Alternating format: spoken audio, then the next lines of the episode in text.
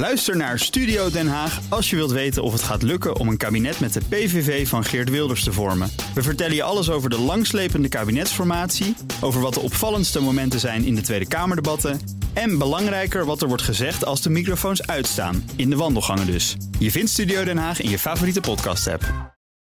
De Friday Move wordt mede mogelijk gemaakt door TUI en Europarks. Europarks, je perfecte vakantie of je eigen tweede huis. Blijf scherp. BNR Nieuwsradio. The Friday Move. Goedemorgen allemaal.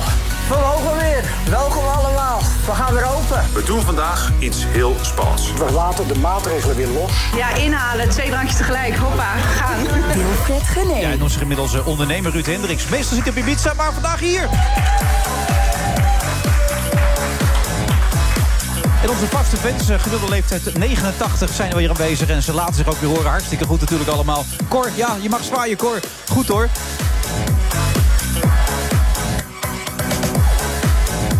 En ook nog in deze uitzending Lilian Marijnissen, uh, Kluun, Eddie Zoe, Bram Vermeulen. Ja, eh, mag ik zijn naam wel noemen? Dat doe ik straks misschien wel later in deze uitzending. Laten we het voorzichtig houden. Goed dat je er bent, Ruud. Ja, het is heerlijk om hier weer te zijn. En goed dat Thomas ook lekker doorbeukt. Als van ouds. Ja, hè? Ja.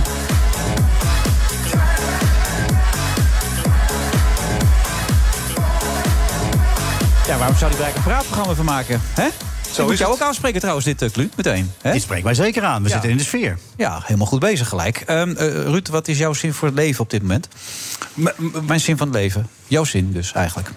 Daar overval je me een beetje mee. Ja, eh, hier ligt Ruud, hij is dood maar genood. Dat is het motto waar- waarmee ik door het leven ga. Dus dat, Ja, maar je bent nog niet dood, hè, voor de ik ben duidelijkheid. heel erg levend. Ja. Ook al heb ik een pleister op mijn voorhoofd. Maar verder gaat Klein, het klein ingreepje begrijp Klein ik, maar ingreepje, dat, dat ja. gebeurt vaker bij jou. Ja, uitgeschoten in de botox. Nee, nee, nee, nee, gebeurt vaker. Ja, maar dat komt omdat je in de zon veel zit, of niet? Nou, toen ik heel jong was, toen heb ik veel te veel in de zon gezeten. En mijn ouders die, eh, waren vergeten me in te smeren. En daardoor heb ik al 32 jaar last van huidkanker. Daarom ga je heel veel op niet zo dramatisch. Ga je heel veel op Ibiza zitten. Met factor 50 en een petje op in de schaduw. Je Ja. weet het. Ja. Nee, maar dat is, Dat heb ik nog nooit gehoord. Iemand hoort zeggen 32 jaar huiskanker. Dat is verder niet zo dramatisch. Nee, dat is het ook echt niet. Dat is het echt niet. Nee, is dat niet?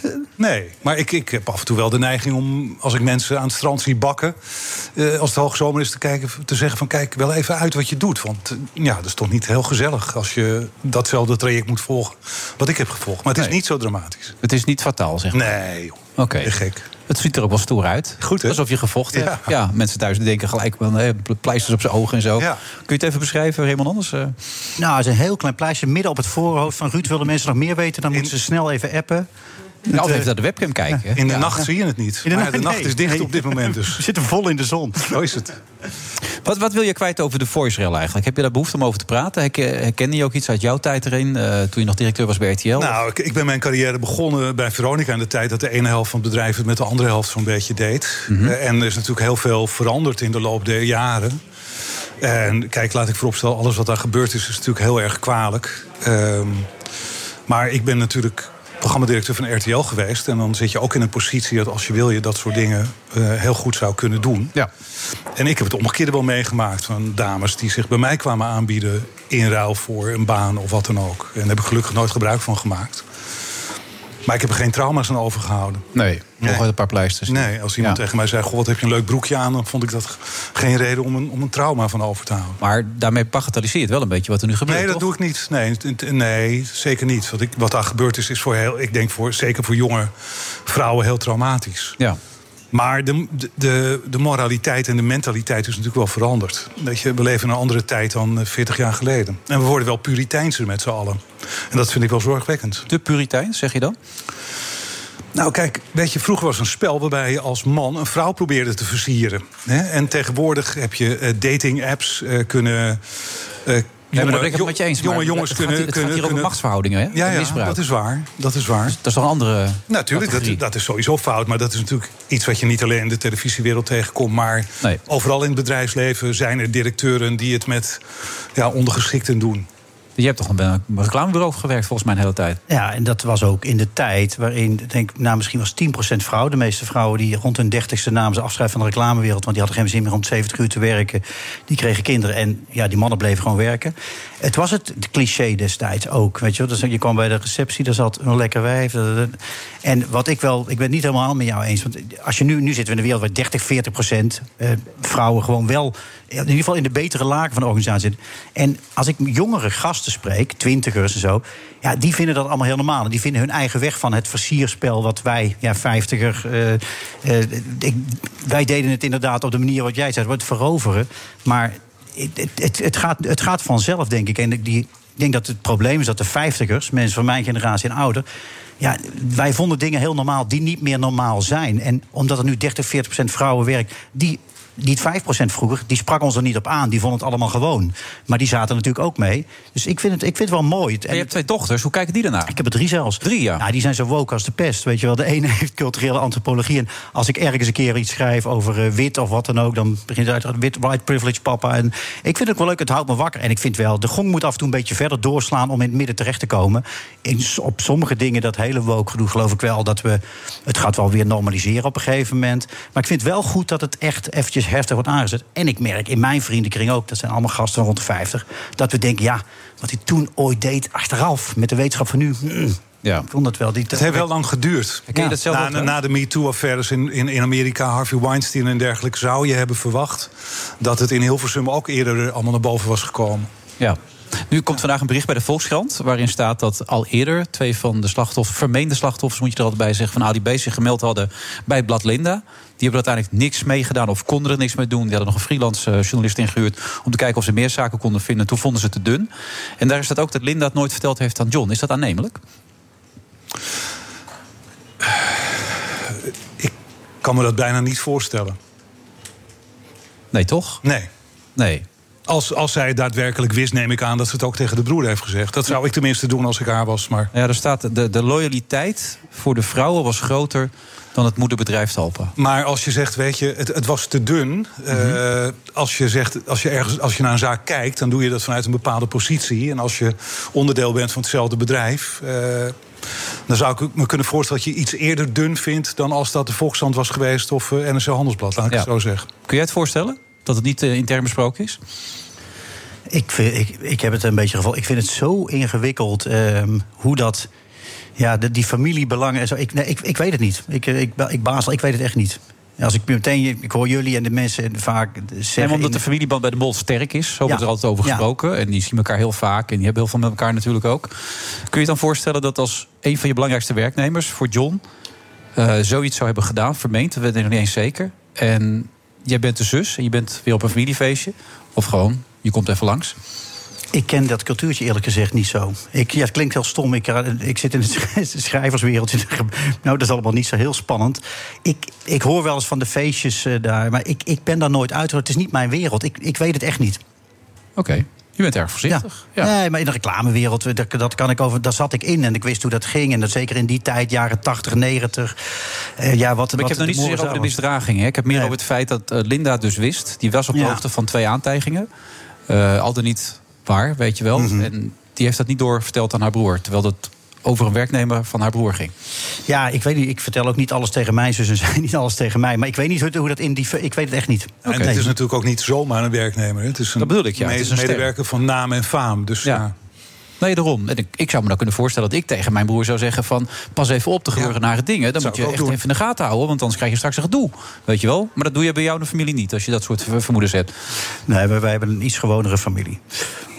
Oh, nou, bij ons hebben we ook een hele gewone familie. Maar daar zou ik het ook doen, eerlijk gezegd. Maar goed, pakt ook niet uit. Hey, Ik zag dat je net een plaat kreeg. Een, eh, prachtige Ja, langspeelplaat. een, eh, een- ja, die heb ik van Klu gekregen. Dus Ja. eh Ray, vertel, wat heb je Ja. me gegeven? Ja, ik ben. Dat is, ik, is, weet je, als jongen dan droom je toch. Ik kom uit LP-tijdperk. En dan droom je. wel, Je zal toch eens ooit op een podium mogen staan en LP's signeren. Nou, ik ben niet verder komen dan boeken signeren. Dat is heel leuk. In bibliotheken van Appelscha en eh, ja, zo. zeker als mensen komen. Hè? Dat ze komen, dan komt er een man of dertig of zo Ja. op je af. heb ook wel eens maar boeken willen maar nu voor het eerst heb ik deze week LP's gesigneerd. Een soort jongensdroom. En de- de- volgens mij de eerste schrijver met een heuse LP. Dat is een beetje een gimmick, want het is een eh, scène uit nou ja, het audioboek van eh, DJ. En ehm, eh, ja, dus het- ik vond het heel leuk voor, voor Ruud. Ik heb een heel Voor klein Wilfred. stukje gehoord. Want hij had me een klein voorproefje gestuurd. Het is echt heel goed gedaan. Hij heeft het zelf ingesproken, heel authentiek. En het aardige is, het gaat natuurlijk over, over house en techno. En het is Over zijn boek natuurlijk. ja, waarin het fantastische natuurlijk- eh, elementen. Het is heel goed vormgegeven. Ja. Echt heel goed gedaan. Ik voelde me een beetje als het hele kleine jongetje... wat vroeger nog eens naar, naar luisterspellen, hoorspellen zat te luisteren... met het grind waar dan... Ja, Ja, ja, maar dan wel met de, met de computertechnieken van nu en met alle dance erin. Maar ik werd ook een beetje. Je kent de Bourgondiërs misschien van Bart van der Loo. Hè, de, de Vlaming die eh, prachtige serie. eh, die prachtig over de steek spelen en de bacchanalen vroeger. En ik heb die hele, dat hele hoorspel geluisterd van hem. En toen, ik, ik vond het zo tof dat je echt. Je zat gewoon in de middeleeuwen. Je zat aan zo'n zo'n buffet waar de varkens. eh, de hele varkens kwamen op tafel en fazanten. En toen dacht ik, stel dat dat met DJ zou kunnen. Nou ja, het, het werk is. Ik, bedoel, ik heb tien uur in zo'n studio gezeten. Maar het werk is door een DJ, Bart Timbals. Even ere wie ere toekomt. Ja, dat is monnikenwerk. Die heeft er honderden uren aan besteed. En, ja. ik, ik ben er heel trots op. Wat Het is de oplage? Hoeveel zijn er geperst? Ja, die LP dat is maar 100 stuks voor. eh nou ja, Het is echt een collectors item. Is wat een collectors item, ja. Fantastisch. eh, maar de, ja, het, hij is uit de, exclusief, moet ik dan zeggen, te horen bij Storytel. En dat, eh, ja, ik vind het echt te gek. En ik wilde het al toen het uitkwam, DJ, dacht ik, als dit op muziek ooit kan. En eh, dat is gelukt. Maar ook nog op, op, op plaat, weet je wel. Omdat dat natuurlijk eigenlijk van vroeg is. Maar dat komt helemaal terug, hè? Ja, ja we hebben een, mijn dochter die heeft ook een platenspeler. Nou, die dingen koop je tegenwoordig voor een paar tientjes. Ja, nou, jij hebt er één gekregen. Ja, ik kreeg een platenspeler toegestuurd. Ik denk, nou en, ja, en het leuke is, dan reageer je... jee, wat een cadeau. En ook al die TikTokkers, terwijl het gewoon een ding is van een paar tientjes. Maar het is zo leuk dat je weer een platenspeler krijgt. Ik vond het echt het leukste cadeau van de laatste jaren, vond ik. Echt graag fantastisch. Gedaan. Ja, graag gedaan. En, nou, mijn, ik heb vroeger, nou, zoals iedereen, we hadden allemaal zo'n hele wand LP's. Ik heb het ooit aan Serious Request weggegeven. En mijn dochter die koopt nu, die zie ik thuiskomen van kringloopwinkels met Queen, met Hazes, met Fleetwood Ik ben, Mac. er, met ik ben de zolder opgegaan. Ja. Stapels, Ja. Rappers Delight, 14 Neil Young hoop ik ook. 57. Neil Schitterend. Young ook, want Neil Young is niet meer ja, horen die op- moet je wel op op. Spotify. Nee. Neil Young Nee. sinds vandaag. Hè? Ja. Niet meer op Spotify. Nee, Oh, want wat die, wilde niet op? Spotify eh, te horen zijn op een medium waar ook Joe Rogan te horen was. Die een gast had die, eh, die eh, de, de antivaxers eh vertegenwoordigt. En wat rare dingen zijn over vaccinaties. En Neil Young heeft zijn bestaan te danken aan vaccinaties. Die heeft ooit polio gehad. Oké. En eh, die wilde daar niet meer op te horen zijn. Dus Heart of Gold en al dat soort eh, geweldige eh, CD's zijn daar niet meer te beluisteren. Oh, dat is wel even minder. Maar dit gaat ook weer een doelgroep eh, van niet lezende jeugd bereiken, denk jij? Is dat ook het idee? Nou, het is wel de hoop. Ik moet, kijk, ik ga, ja, tot corona ging ik elke week naar middelbare school. En dat doe, begin ik nu weer mee. En kinderen, die scholieren.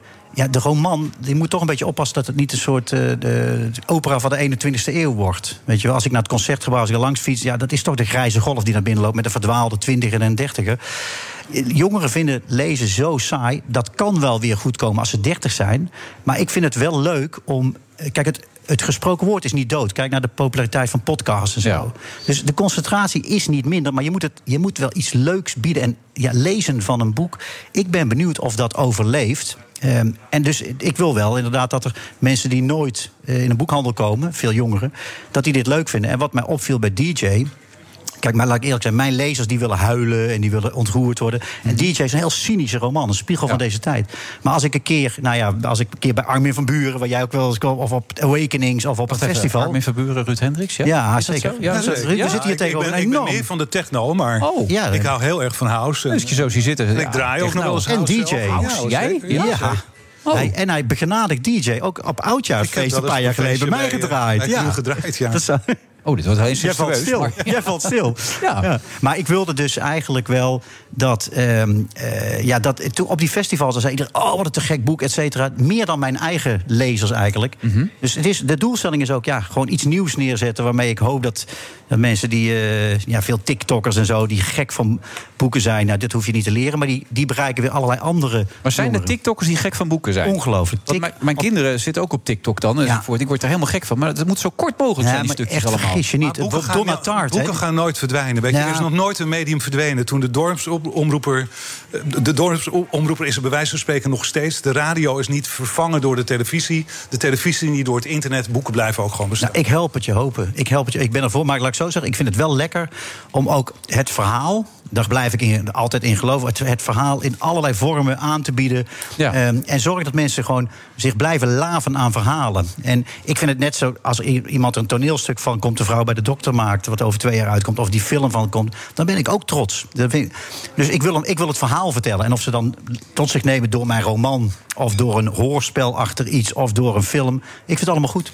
Maar ik had gisteren Lale Gul in de uitzending. 2000, 207.000 boeken verkocht afgelopen Ja, jaar. geweldig. Dat is goed, hè? Ja, fantastisch. Maar wie, wie bereikt zij dan eigenlijk? Welke doelgroep is dat dan? Nou, ik denk dat het breed is. Ik, heb, ik weet, eh, en mijn vrouw heeft het ook gelezen. En die, ik denk dat iedereen die. Het, is een boek ook. Ze schrijft lekker. Ja. En ze schrijft schaamteloos. Hè? Ja. Over de, de. Hoe noemt ze de moeder ook alweer? De karbonkel of zo? zoiets, Zo, ja. Hallo. Ja. Dus het is schaamteloos. Dat, dat helpt. Ze is, het is eerlijk. eh, ze schrijft goed. Ik denk dat heel veel mensen wel willen weten. Van hoe, hoe is het nu als, om als superintelligente jonge vrouw op te groeien in een heel traditioneel milieu? Ik denk dat daar het succes zit. Ja. Het is rauw ook, hè? Het is, Het is heel rauw. Ja, Ja. dat mag je wel stellen. Ja. Jouw boeken waren ook altijd behoorlijk rauw. Ja, ze- zijn ze nog wel? Ja, dat zou ik zeggen, maar ze zijn iets gekuister geworden, vind ik. Ietsje. Ja, ja dat, dat klopt wel. Ja. Maar ik ben ook iets ouder geworden. Het zou, best, het zou best raar zijn als ik als 57-jarige nog hetzelfde schreef... toen als 34-jarige, denk ik. Ja. Ja. Maar eh, hoe, kom jij je dagen door eigenlijk dan? Hoe zien jouw dagen eruit? ja, het is. Ik, eh, eh, ik heb heel veel vrienden die werken in de evenementen en hotels. Ik roep, nou, voor hun is het leven veranderd. En DJ's. Ja, voor mij de afgelopen jaren. Ik zat gewoon achter mijn laptopje. Ja, bij mijn boekpresentatie anderhalf jaar geleden mocht er geen 150, maar 30 man zijn. Ja. Dat was het. Ik, de- mijn dag is gewoon, ik, ik schrijf. En nu ben ik een beetje op eh, de promotour voor dit audioboek. En eh, dat, dat, dat zijn mijn dingen. Maar ik zit de hele dag lekker alleen. Ik lunch alleen. En s'avonds dan eh, zijn mijn kinderen en mijn vrouw er. En dan ben ik heel blij. Het is echt heel saai eigenlijk. Ja, ik, maar ik vind dat heerlijk. Je bent eigenlijk een hele saaie man. Ik ga zo wel, ja, nou, dat moeten we ook weer even. Ik ga zo wel even een flink biertje pakken met ons vrienden. Dat, Ja? dat een dan flink weer wel. biertje, tot tien uur. Ja, tot tien uur, ja. Ja. ja. dan val ik ook in slaap, joh. Ja. Maar eh, dat nieuwe boek, er is een nieuw boek in, in de maak. Dus Ja, zeker. September. Help, ik heb een puber. 16 jaar na Help, ik heb mijn vrouw zwanger gemaakt. Oké. Bijna klaar. Bijna klaar. En die ga je ook op deze manier nog een keer eh, persen misschien? Absoluut. Nou, dat is... Ja, is het een eenmalige stunt? Nee, dit is eenmalig stunt. Ja. Dit, deze kan ik afvinken. Schrijver heeft LP. Oké, en, en dat feest dat was bij, bij, bij Ja, bij Klun op de Ja, boot. zeker. Dat is heel Op de boot. Ik heb ook met een vriend, wij hadden een Daft Punk eh, act. En eh, dat was het voorprogramma met helmen op. En eh, daarna kwam Ruud eh, draaien, Ja, techno. wij, delen, wij delen al eh, nou, heel erg lang een passie voor de house en de Zeker. techno. En eh, de, de allereerste gedachten over DJ Ja. hebben we aan mijn Ja. keukentafel heel lang geleden al Zijn jullie besproken. vrienden? Wij kennen Nou, we elkaar, kennen goed, elkaar ja. goed, Ja, ja. zeker. Ja. Wij hebben wel eens met de handen in de lucht gestaan ergens op Zeker. Ibiza. Ja. Ja, met allemaal twintigers om ons heen die kijken van... ook wel eens uitgewisseld. Maar Zeker. ben je dan vriend of ken je elkaar goed dan? We kennen elkaar goed. En kan heel goed. Ja, en wat moet je dan doen om vrienden van elkaar te worden? Nou, dan moet je elkaar frequenter zien. Ja. Oké. En dat zit er niet in? Nou, ik, ik, ik woon op Ibiza, Ray woont hier. En, eh, maar we hebben, wel, we hebben wel regelmatig contact, laat ik Ja. het zo zeggen. Oké. Jullie kennen elkaar goed, dat is de conclusie. Oké. Zeker. Nou, ik vind het een hele mooie ex-actie eh, wat dat betreft, Raymond. Dankjewel. En, eh, Ik ook. Op naar de volgende radiostation nu? Of, ja, straks de, de kabouters van Radio 2. Kabouters? De, de, de- ja, hoe heet die gasten? Wouter en... Nou, dat weet ik ook niet, maar daar ga ik zo naartoe. Ja. Oké. Ja. Nou, En dan het biertje. Ja. Ja. Oké, nou goed dat je er was. En tot de volgende keer. Graag gedaan. Ook Liesbeth Staats vind je in de BNR-app. Ja, heel handig. Luister live naar Kees en mij tijdens de Daily Move. Dan blijf je ook gelijk op de hoogte van breaking news en het laatste zakelijke nieuws. En daar vind je ook alle BNR-podcasts, waaronder de Perestrooikast. Download nu de gratis BNR-app en blijf scherp. BNR Nieuwsradio. The Friday Move. Goedemorgen allemaal. We mogen weer. Welkom allemaal. We gaan weer open. We doen vandaag iets heel spannends. We laten de maatregelen weer los. Ja, inhalen, twee drankjes tegelijk. Hoppa, gaan. Wilfred Gené. Ja, Brand van Beulen is terug met het nieuwseizoen Frontlied. Die staat hier. Nou, hij is terug. Dat is mooi.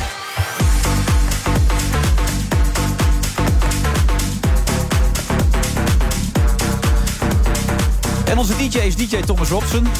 Eh, maar hij heeft een collega naast zich zitten, heb ik nu begrepen. Ruud Hendricks, Techno House. Het, Ja. draai je echt nog wel eens dat Ja, ja. Ja, nou, een paar keer per jaar. Niet echt eh, intensief, niet zoals vroeger.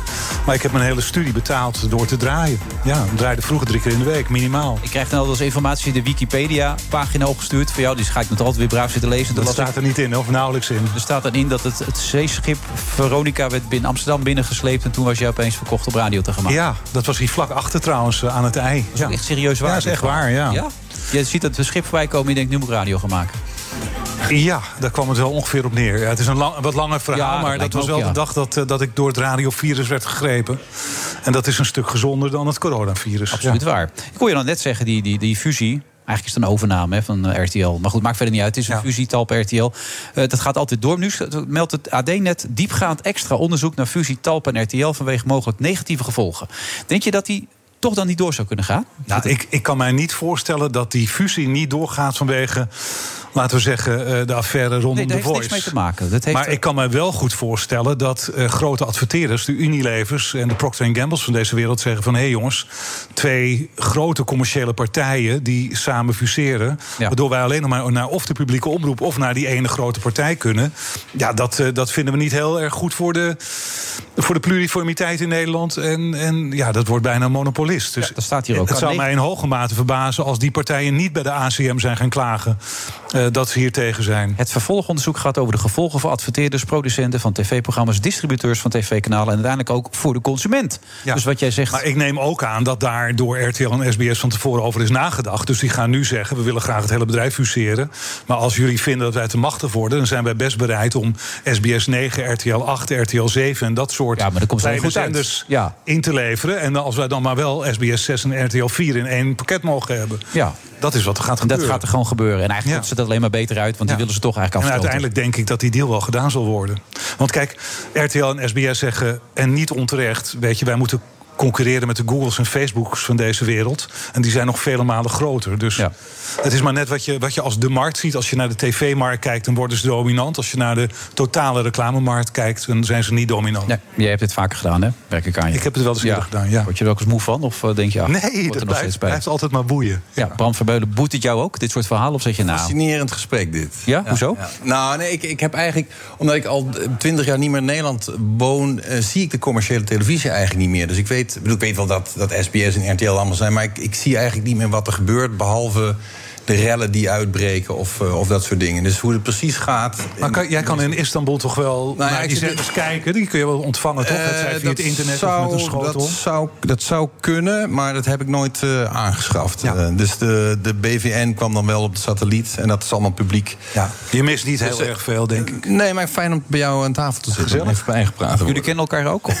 Nee, geen feestjes Nee. gevierd of gedraaid Nee, we bij hebben elkaar? nog nooit samen gedraaid. Nee. Ook niet, nee. Had gekund, had gekund. Ja, en, en daar waar jij woont, komen dit soort rellen ook nog binnen dan? Ook bij de, de plaatselijke bevolking? Of komt dat dan niet door? De, de RTL, SBS-rel, Nou ja, of, de Voice-rel, eh, ja. dat soort dingen. Nee, natuurlijk. Ik bedoel, dat, dat, dat lees je allemaal eh, via Twitter. Maar de Voice zal toch eh, wel worden uitgezonden in Turkije, of niet? Nou ja, ik, ik kom net uit Afrika, maar ehm, eh, ik bedoel, dat soort programma's van de Mol, laat ik dat maar zeggen. En, en, en de Mol is natuurlijk heel groot, ook in Zuid- Zuid-Afrika.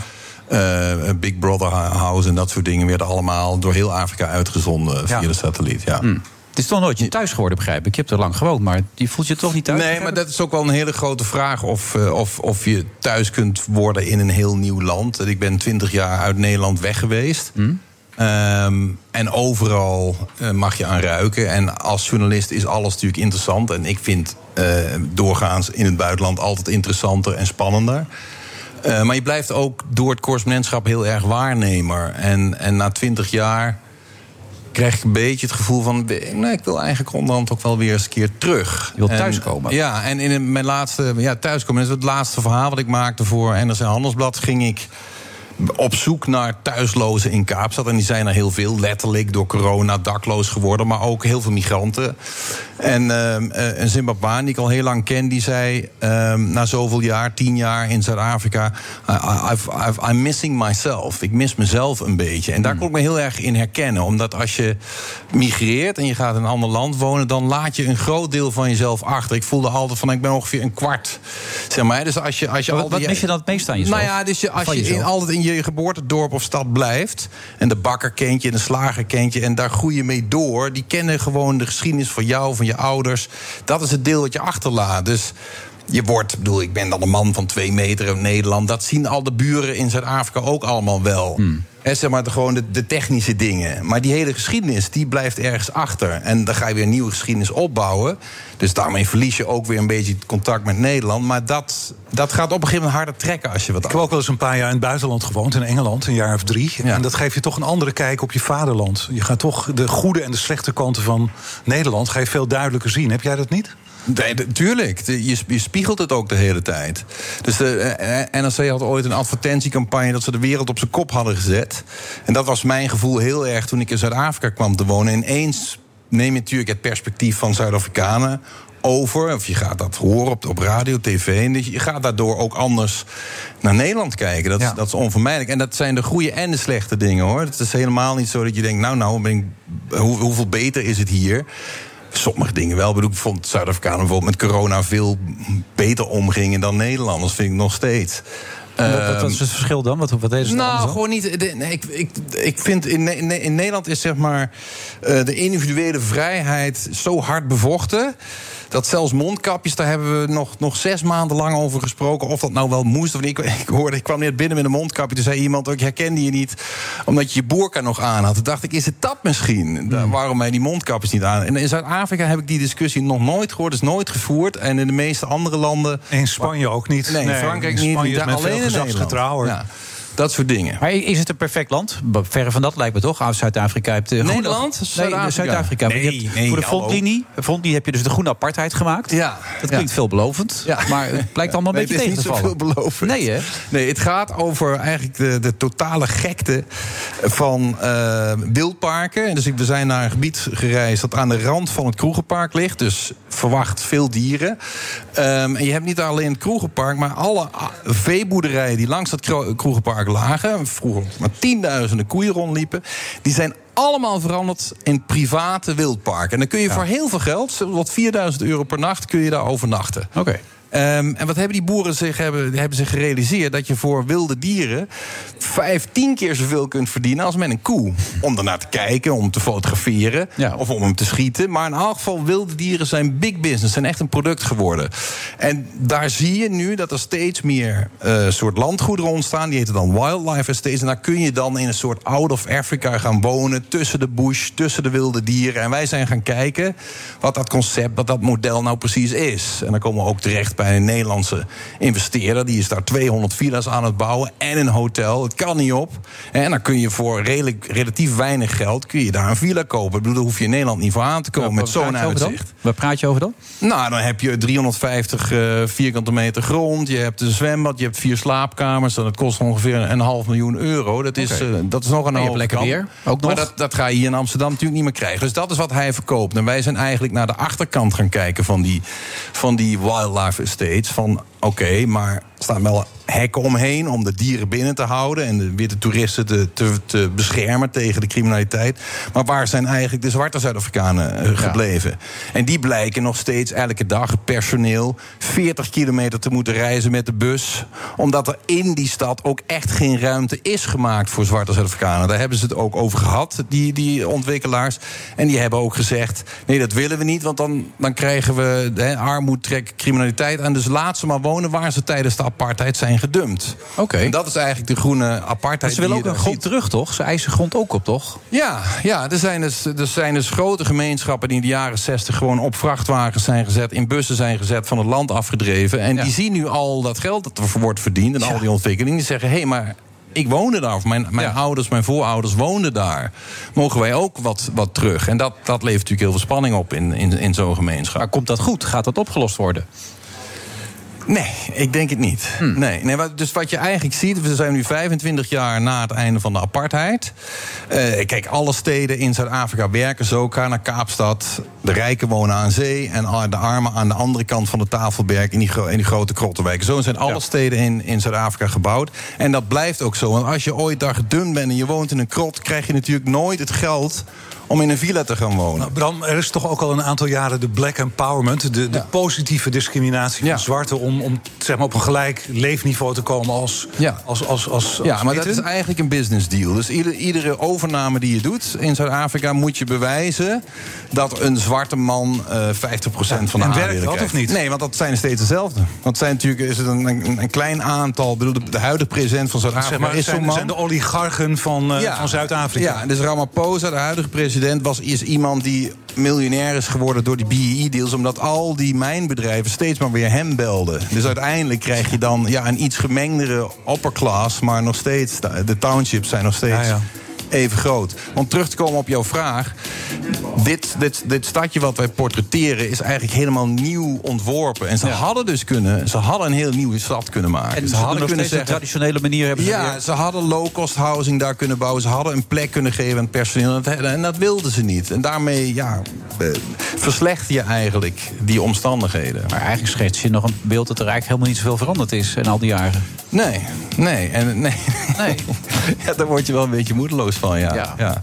Nou ja, wij, wij kijken vooral een beetje naar, naar de gekte. En het, het hele idee achter frontlinie is eigenlijk om ver weg landen toch te laten zien dat wij, Nederlanders of Europeanen, daar ook wel een rol in spelen. Dat die verhalen niet zo ver weg zijn. Maar je kunt hier op de beurs in Utrecht, kun je zo'n huis in Zuid-Afrika kopen. Nou, ik wilde wel weten, wat koop je dan? Waar kom je dan in terecht? En dat zie je in het programma. En volgende week?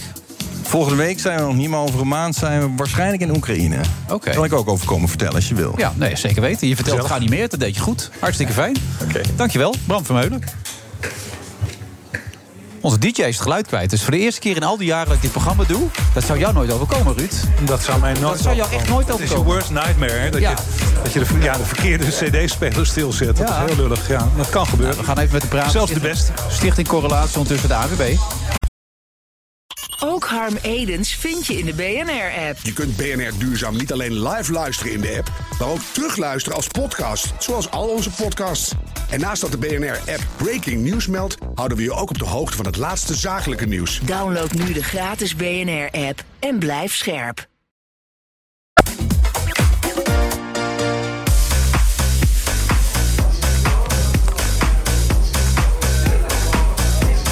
Ja, we hebben hem even getroost. Het gaat, het gaat weer, hè? Ja, het, ja, het gaat weer. Nee, oké, gelukkig.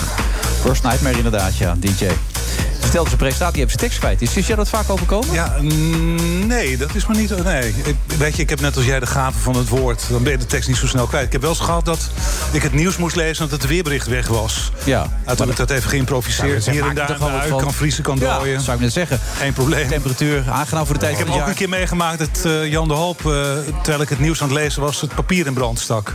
Dat leest ook een beetje ingewikkeld, maar toch. Hey, ik zie jou zitten. Jij bent natuurlijk de, de, de baas van Sport 7 geweest. Jij was toen mijn baas.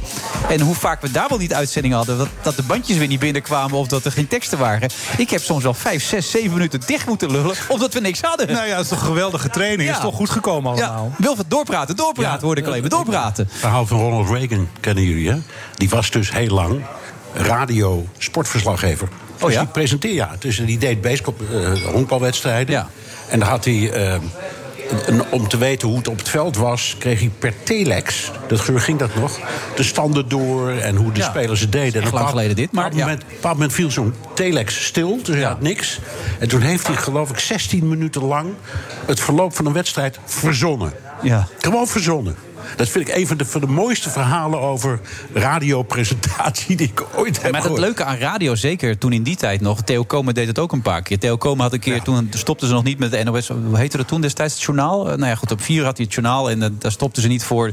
eh dat stelden ze niet uit. Dus toen natuurlijk net de finish. Dan had je De radio nieuwsdienst door de ANP. die de ANP-nieuwsdienst die had precies op dat moment dat de finish kwam... eh, toch gewoon uitzending. Dus eh, vier over vier komen ze pas weer terug. En toen zei Theo Komen, jongens, doe maar gewoon alsof er niks gebeurd is. Was nog niet allemaal op tv. Dus eh, terwijl alles werd opgebroken, om me heen kisten werden weggehaald... microfoons werden al opgeruimd. eh, begon Theo Komen, ik zie ze er in de verte aankomen. Ik zie ze er in de verte aankomen. Zoetemelk zit erbij en ook Hino nog steeds. Oh, Hino gaat er overheen. Ja. We waren al lang binnen. Iedereen was in het pak.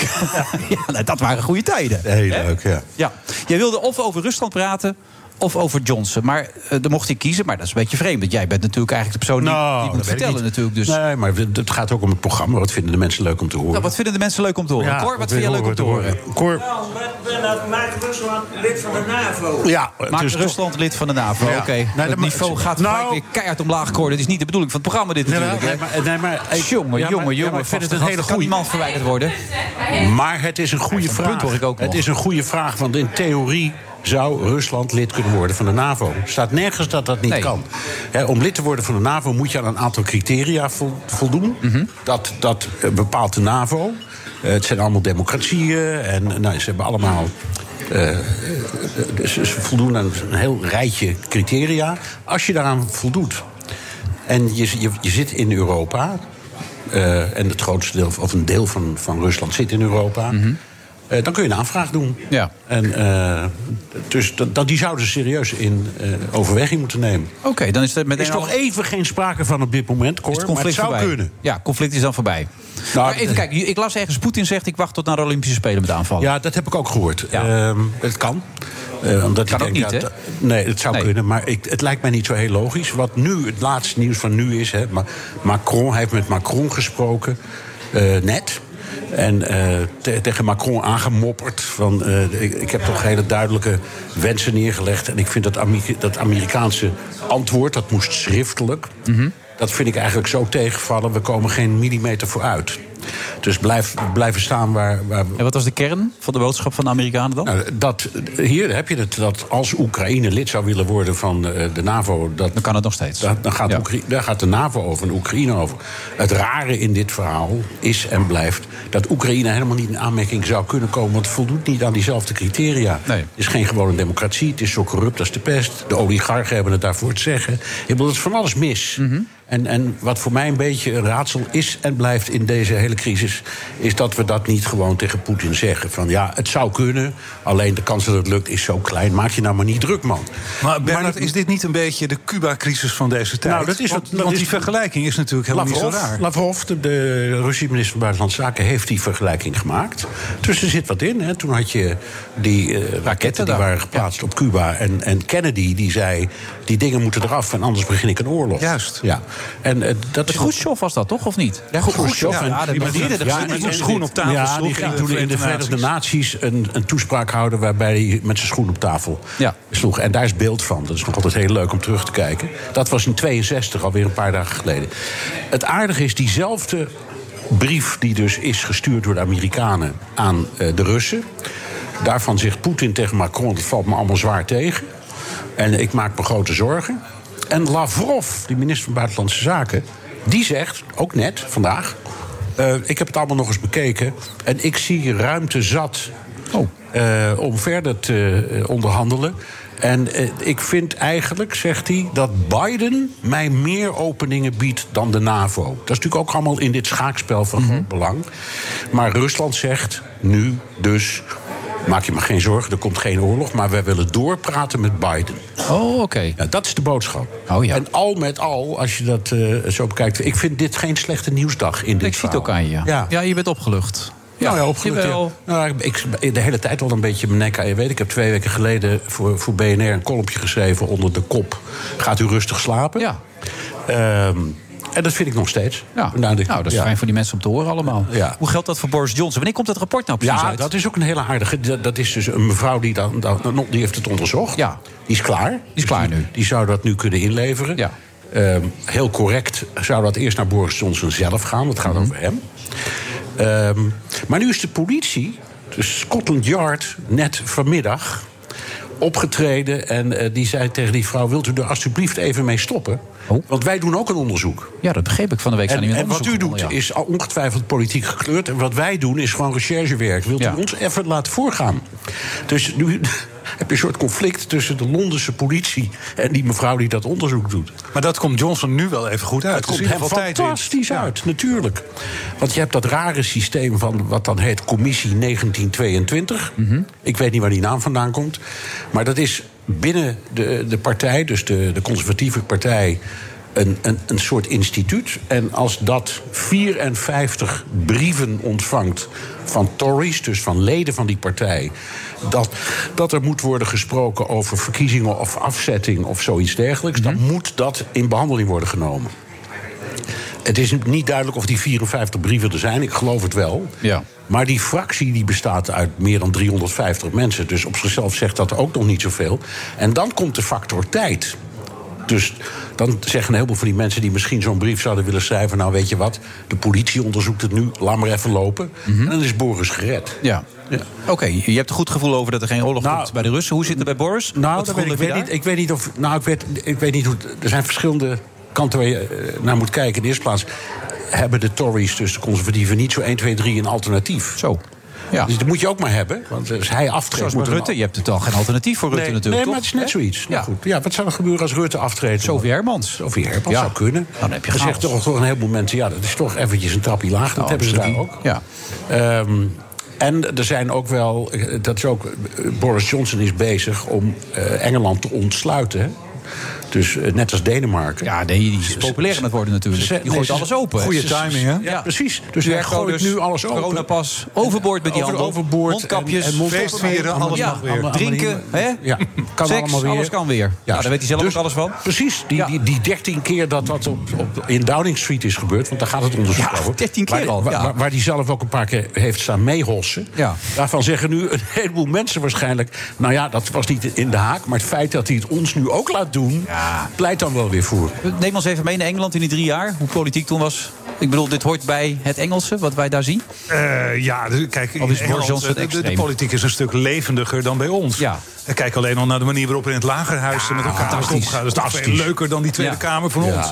En we hebben alleen maar Wilders en Thierry Baudet. die Ja, maar het ook- ze eh, staan heel dicht bij elkaar. En dan word je helemaal afgezeken. En dan gaat hij zelf weer staan. En Absoluut toch? Nou, roept hij dan het, weer. eerste, het eerste wat je opvalt als je daar gaat kijken is hoe ontzettend klein het is. Ja, het zitten- lagerhuis. Het heeft niks van coronaproefs meer als je naar er, zit dus, kijken. er moeten dus 670 mensen in. Het is ongelooflijk hoe klein dat is. Ze staan dat lukt niet op anderhalve meter. Nee, daar klopt helemaal niks van. Dus alleen daarom zou je mee moeten dan, stoppen. en dan de, de, right honorable gentleman en de Ja. right honorable lady. En vervolgens stijven ze, eh, schelden ze elkaar eh, eh, verrot. Ja. Maar het, het heeft wat. En Maar als je in mag zetten, hoeveel procent gaat hij het overleven? Hoeveel kans? 75 procent. Oh, hij gaat gewoon door. Ja, ik denk dat gewoon... En, en dat mocht hij nou aftreden, is er dan enige kans dat hij net als Trump theoretisch nog een keer terug zou kunnen Ja, komen? tuurlijk. Ja, en je- sterker nog, in, in Amerika heb je een limiet. En je mag in totaal maar acht jaar president zijn. Of in één of in twee termijnen, dat doet er niet toe. Eh, maar in eh, Groot-Brittannië is volgens mij het, het- de regel net als bij ons. Er is geen limiet. Dus eh, hij kan net zo vaak op premier zijn en worden en terugkomen. Als de partij wil en als de kiezer wil. Uiteindelijk beslist de kiezer Ja, natuurlijk. was het wel leuk in Engeland? Want je vertelde, je gaat nadenken over wat je daar mist en hoe Nederland is. Maar Als ik heel eerlijk ben, ik vond het helemaal niet leuk. Londen is een geweldige stad om eh, eventjes een paar dagen naartoe te gaan, te winkelen, dat soort dingen, maar om daar te wonen. Ik vond de kwaliteit van het leven, en dan bespreek ik hier over begin van de jaren negentig, vond ik echt veel minder dan hier in Nederland. Kinderen kunnen niet op straat spelen. Die, het Londense verkeerssysteem is verschrikkelijk, weet je. Dat is, eh, we hebben hier nog verkeer dat nog enigszins beweegt. En tegenwoordig is het ietsje beter dan Ja, destijds. vanwege, vanwege die pas. Ja. Dus je moet om Londen in te rijden, moet je zo'n pas hebben in Ja. je nummerbord. Maar wij hebben hier de A10 om Amsterdam heen. In Londen heb je de South Circular. Ja. Dat is een tweebaansweggetje waar je stilstaat. Ja, dat is een parkeerplaats. Ja, dat is verschrikkelijk. Ja. Nee, niet leuk. Ik Voornamelijk ontraad het je ten zeerst. Ja. en wat vind jij nou het fijnste? Amerika of Nederland? Ja, gaat nu even over mensen die ergens anders Ja, wonen. het- ik, ik, ik weet hem na al die jaren nog steeds niet. Ik, ik doe nu eh, al decennia lang, heen, ga ik heen en weer. Ik vind het allebei heerlijk. Eh, ik ben gek op New York. En ik ben een ras-echte Amsterdammer. Ik ben hier geboren en getogen. Ja. Net, net als Ruud. Ja. En dat, dat krijg je niet meer. Je kan me net zo ergens heel lang neerzetten. Dan ben ik dolgelukkig. Mijn kinderen wonen daar. Allemaal prachtig. Maar ik ben ook Amsterdammer. Dus ik vind het heerlijk. Ik, ik hoop nog heel lang het zo te kunnen blijven doen. Gewoon lekker heen en weer. En dat hopen wij ook, Bernard. Hè? Tot volgende week weer. Tot volgende week. En Rusland bij de NAVO, als het een kort ligt. Zo is het. Cor, Cor had een goed punt. Ja, absoluut. Dankjewel, Ja. Cor. Je mag blijven zitten. De Friday Move. BNR ben je altijd als eerste op de hoogte van het laatste nieuws. Luister dagelijks live via internet. Bas van Werven. En heel langzaam komt de zon op rond dit tijdstip. Je krijgt inzicht in de dag die komt op BNR, het Binnenhof in Nederland en de rest van de wereld. De Ochtendspits. Voor de beste start van je werkdag. Blijf scherp en mis niets. De Friday Move wordt mede mogelijk gemaakt door TUI en Europarks. Europarks, je perfecte vakantie of je eigen tweede huis. Blijf scherp. BNR Nieuwsradio. The Friday Move. Maar niet alles mag open. De evenementensector. Blij ben ik eigenlijk helemaal niet met deze situatie. Ik zou het liefst alles opengooien. It is time to get this over with. Show the Prime Minister the door. Wilfred Genee. John van Heuvel is verschrikkelijk boos en hij vertelt zo meteen waarom.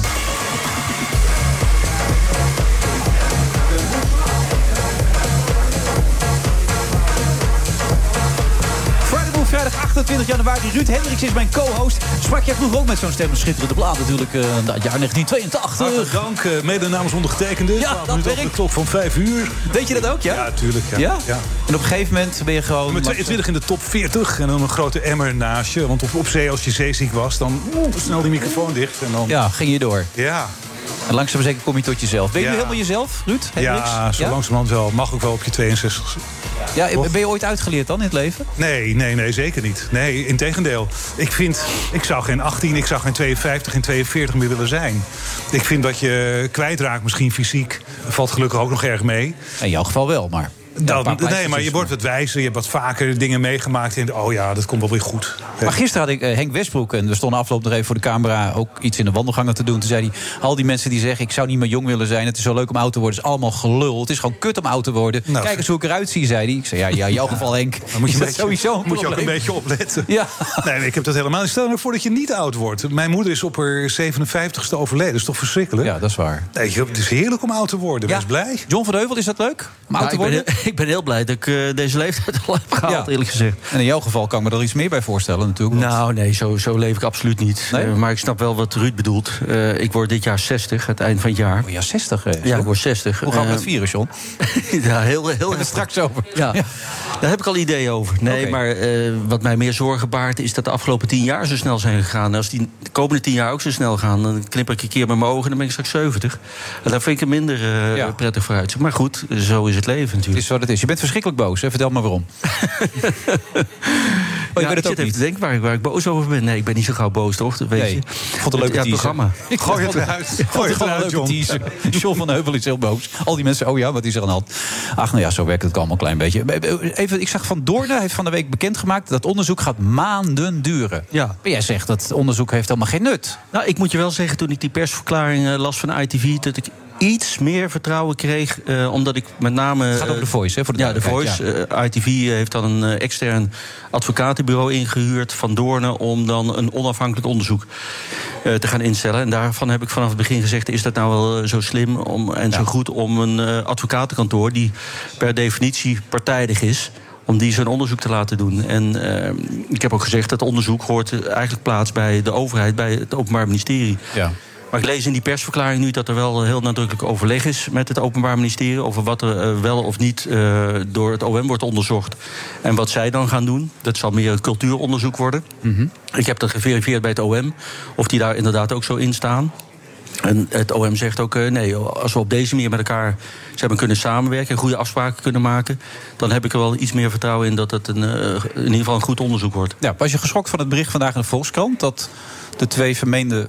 eh, Nee, de slachtoffers waren maar van de vermeende daden van Ali B... zich al in 2020 hadden gemeld bij het blad Linda? Nou, ik ben, ik ben niet zo snel meer geschokt. Nee. Ik vond het wel verrassend, maar ik heb ook die eh, verklaring van die hoofdredactrice gelezen, eh Hilde, van, der Bijl. Ja.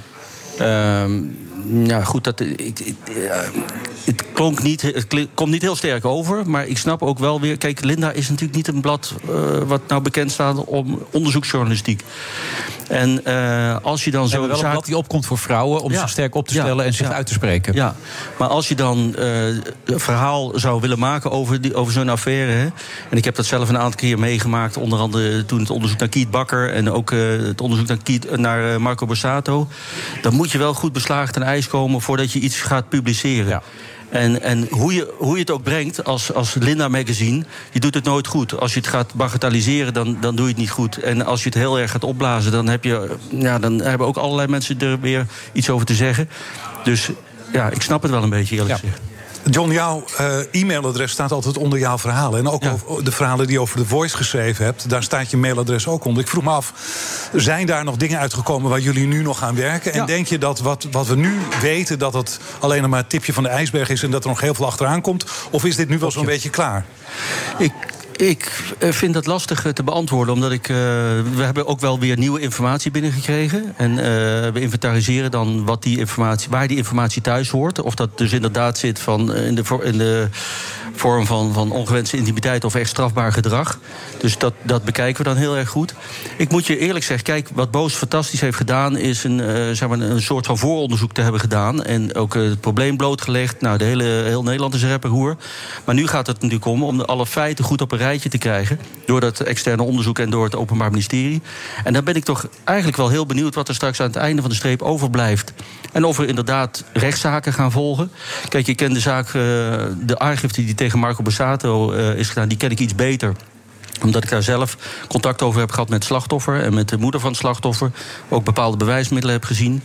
Ehm, er zijn nu ook nieuwe verklaringen van, eh, of tegen Marco Borsato binnengekomen. Dus het kan zijn dat dat straks met schakelbewijs best wel een ronde zaak kan worden. Ali die twee aangiftes, ken ik veel minder van. En, en ook tegen Jeroen Rietbergen. En zedenzaken zijn buitengewoon ingewikkeld gecompliceerd... om die bewijstechnisch rond te gaan krijgen.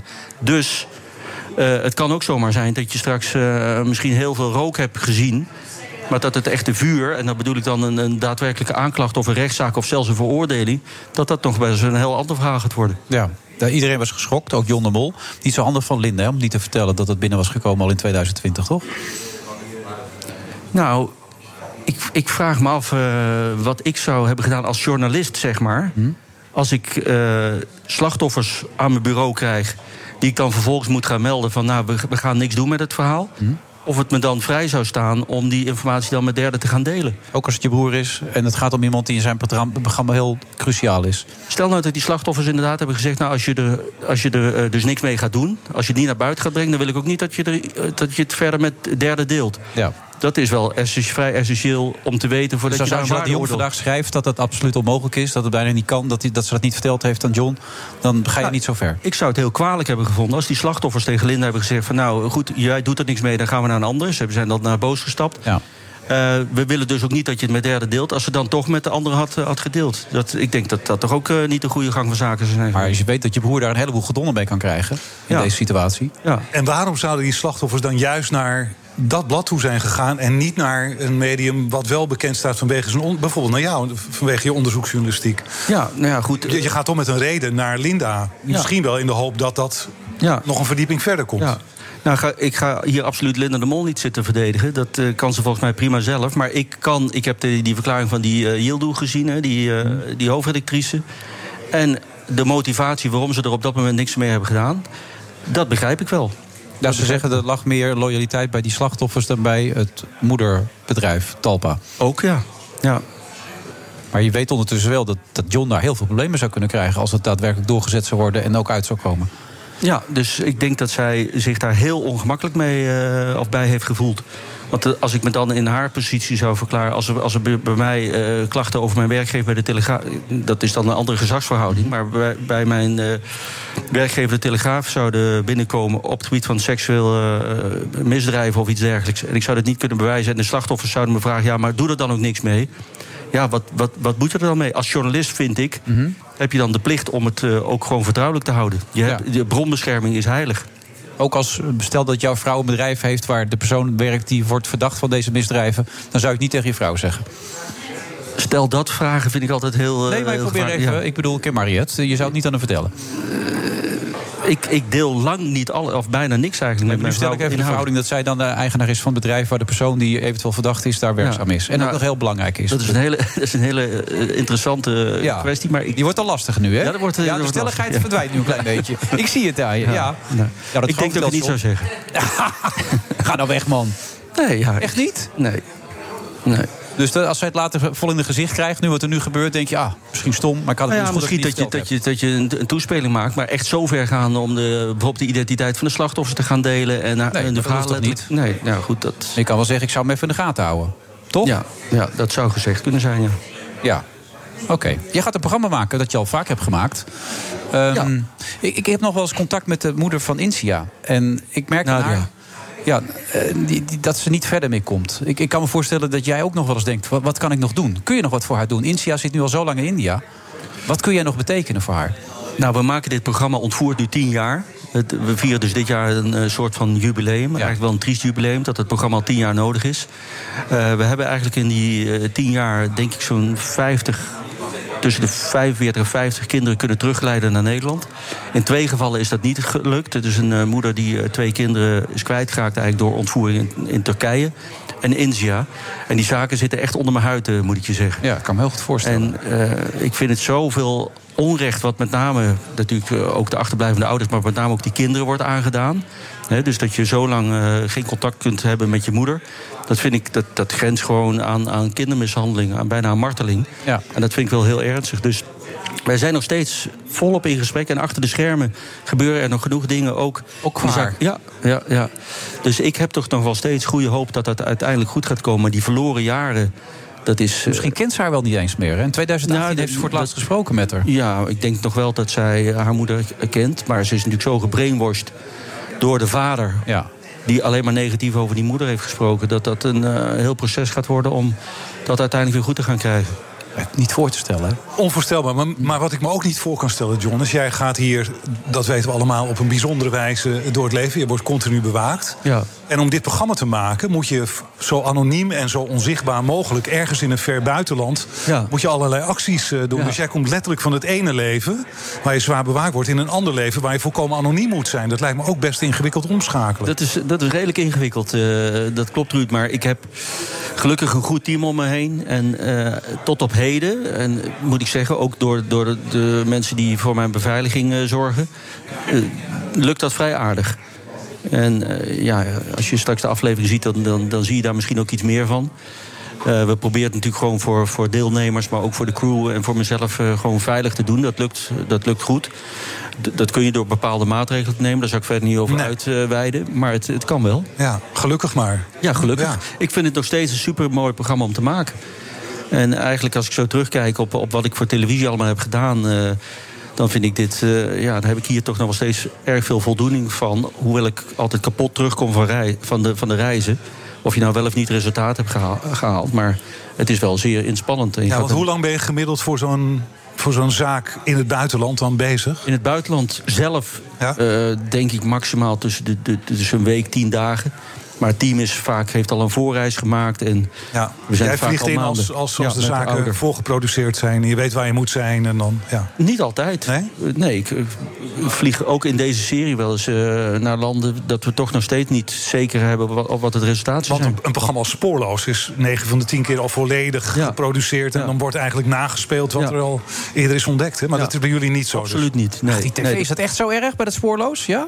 Nou, ik begreep wel. Ja. Schrikkelijk is dat toch. Maar bij John niet, hè? Bij John is het echt. Ja. ja. Nou, nee, maar serieus. Ik heb eh, ook nu die aflevering van aanstaande zondag... die zich afspeelt in Turkije. Wij zijn daar naartoe gegaan, eigenlijk een beetje van godzegende greep. Eh, we gaan het proberen. En eh, nou, uiteindelijk... En dat is echt gewoon het vaststaand gegeven bij het programma ontvoerd. We maken hele scripts en plannen en, en dergelijke. En het, het wordt nooit zoals we het hebben bedacht. Dus we- je weet van tevoren, we, we- ja, we hebben een bepaald plan... Maar het wordt altijd anders. En eh, ja, dat maakt het ook wel bijzonder om te maken. Ja, eh, vandaag eigenlijk. Je begint ergens aan, elke keer is het anders. Ja. Maar het is gelukt Nou, als dus. we die kijkcijfers halen, dan... eh, Ja, daar ben je tevreden mee? Ja, ja, zo Die zou je willen halen. Ja. Maar is het gelukt dus? In Turkije? Ehm, ja, dan ga ik dat weer Ja, verklappen. is- ik weet het. Ja. Ik moet het weten. Jij probeert het te voorkomen om te weten. Ja. Nou, het was een hele bijzondere. Succesvol is het. Ik zie je glimmen. Ja, en het is gelukt. Het is leuk. Niet alles lukt overigens, hoor. Nee? Hoe bevredigend was deze serie dan voor jou? Heb je er een verbouwde frustratie in overgehouden? Of heb je het gevoel van, we zijn goed nee, bezig nee, geweest? nee. Eh, Ik, ik zeg altijd tegen, ook tegen de mensen die we proberen te helpen... ik, het enige, ik ga geen garantieverplichting aan. Ik eh, ga een inspanningsverplichting aan. Wij, wij gaan ons kei en keihard inzetten voor de zaak. Maar ik kan nooit beloven dat... het is geen surprise show van de, de deuren van het vliegveld gaan open... en daar staat je kind. Nee. Dus dat, eh, daar ben ik altijd wel vrij duidelijk in. Ik begreep dat je ook wel een beetje begrip hebt voor de ontvoerders. Toch, op een bepaalde manier. De ouders die dat doen. Of nou, kinderontvoering is, een, is, is natuurlijk een atypisch delict. Het is een ernstig strafbaar feit. Je kan er eh, acht jaar gevangenisstraf voor krijgen. Dat gebeurt, wordt soms ook uitgesproken. Maar ik kan me wel de wanhoop van een eh, ontvoerende ouder soms voorstellen. En als je in een gemengd huwelijk zit en, en je, eh, je hele familie... en het huwelijk loopt stuk en je hele familie zit in een ver land... en je zit hier met je, met je kind en je bent helemaal niet meer gelukkig... dan kan ik me de wanhoop voorstellen dat mensen soms dat doen. Ja. Heb je wel eens spijt gehad van een zaak? Dat je een kind terug hebt gehaald waarvan je later dacht... van ja, die had eigenlijk gewoon veel beter afgeweest... in het land waar ze, waar ze nu uiteindelijk weer vandaan komt? Nee, nee, die spijt heb ik nooit eh, gehad. Het is niet zo dat het met alle kinderen allemaal even goed is. Wat eh, eigenlijk het programma ontvoert, is, een, eh, is een, eigenlijk ook een moment. Je probeert dan een kind terug te halen, maar daarna begint eigenlijk de hele verwerking pas. En ja, soms hebben we ook wel weer gemer- gemerkt, gelukkig in een niet al te groot aantal gevallen, dat het kind uiteindelijk toch weer terug is, is, is gegaan. Omdat ze hier in Nederland op dat moment niet gelukkig waren. Dus het is een programma met een lange adem. En ook een lange nazorg. Oké, Turkije, Litouwen, Thailand. Lastige landen lijkt me ook als je politie een beetje mee wil laten werken, toch? Of niet? Of, eh, Ja, ja. nee, dat is eh, een uitdaging geweest. Waar was het het moeilijkst? Ehm, ik denk dat Thailand wel een hele verrassende ontknoping eh, had. En ook heel moeilijk was om te werken, ook door COVID. Ehm, maar het zijn echt iedere aflevering is een rollercoaster geweest. Met, met heel veel emoties, eh, verdriet, spanning en eh, ja, ook in een aantal gevallen gelukkig een happy end, maar niet altijd. Oké, je verkoopt het goed, hè? Zo. Is dat zo? Ja, nee, dat doet hij goed, hè? Dat heeft hij absoluut. vaker gedaan. Dit is een teaser, dit, hoor. Ja, dat doe je echt goed, man. Ja. Nou, het is eh, echt het, het, het blijft een bijzonder programma om te maken. Nee, dat is het ook. Het is ook heel goed dat je het maakt. En ik vind het lekker. Eh, lekker is misschien niet het goede woord, maar om even ook met een, een heel ander eh, vakgebied bezig te zijn dan alleen die keiharde misdaad en de, de taggies van deze wereld en de mokromafia en dergelijke. En dan vind ik dit ook wel een heel bijzonder programma om te maken. Maar daar ga je nu mee bezighouden met die jongens? of die jongens met mij, voortdurend. Ja. Maar dat verveelt niet. Ik ben het wel een spuugzat, uh, maar dat lijkt me ook logisch. Maar dat uh, heeft meer te maken met het feit dat... Ja, daar had ik, hadden we het net even over, hè, Ruud... Van, dat het zo veranderd is en zo gewelddadig is geworden, et cetera... Dat, uh, dat ik me wel eens afvraag waar dit gaat eindigen. Ja. En neem ons dan eens mee. Zuid-Amerikaanse toestanden, Mexico, nou, wat Dat ik, wat, wat- waar ik bezorgd van werd, is die hele communicatie bijvoorbeeld tussen eh, Youssef Taghi en, en zijn, en zijn, eh, zijn oom, of hè, die, die in de, in de EBI. ja. Die in de EBI met elkaar hebben gecommuniceerd over gewelddadige uitbraken. En er moesten Navy's, een soort Navy SEALs moesten dan de EBI gaan overvallen. En er moest 1500 kilo, of, eh, liter eh, olie worden besteld om de wegen. Dan eigenlijk een soort filmachtig scenario. El Chapo-achtig. Ja, hij zou dan zijn, tele- zijn televisie voor de cel zetten... zodat de, ja, de bevrijders zeg maar, konden zien in welke cel die precies zat. Ik denk, er zitten zoveel relatief jonge mensen nu in de Nederlandse gevangenissen... die tot 20, 30 jaar zijn veroordeeld. Eh, ook een heel groot aantal levenslang. Daar gaan er in Marengo en het eresproces waarschijnlijk nog veel bij komen. Ja, die gaan niet leidzaam zitten afwachten tot ze eh, straks eh, tussen vier planken of zes planken de gevangenis verlaten. Dus, dus dat wordt nog wel een probleem. Dat voortgezet crimineel handelen vanuit gevangenissen. Dat wordt echt het grote probleem van de komende jaren. die mannen hebben niets meer te verliezen. Die hebben niks meer te verliezen. En eh, in Nederland is het ook nog niet zo dat zeg maar, die lang gestraften eh, separaat worden vastgehouden van de mensen die korter gestraft zijn. Dus iemand die levenslang heeft, die zit ook gewoon naast iemand die, eh, die misschien na een jaar of na een half jaar weer vrij komt. Dus je kunt heel makkelijk communiceren met de buitenwereld. Dus dat, dat is echt wel gewoon een, eh, een ding waar we ook het komend jaar wel mee bezig gaan. Nou, lekkere berichten zo op deze vrijdagmiddag. Ach ja, je moet er goed het weekend in. Ja, zo ik zou ik het ook willen zeggen, ja. Bedankt dat je er was. Ja, ik vond het Was gezellig. en tot snel weer. Hè? Zeker. Oké. Succes met het programma. Hè? Ja, en jij met je 60 verjaardag.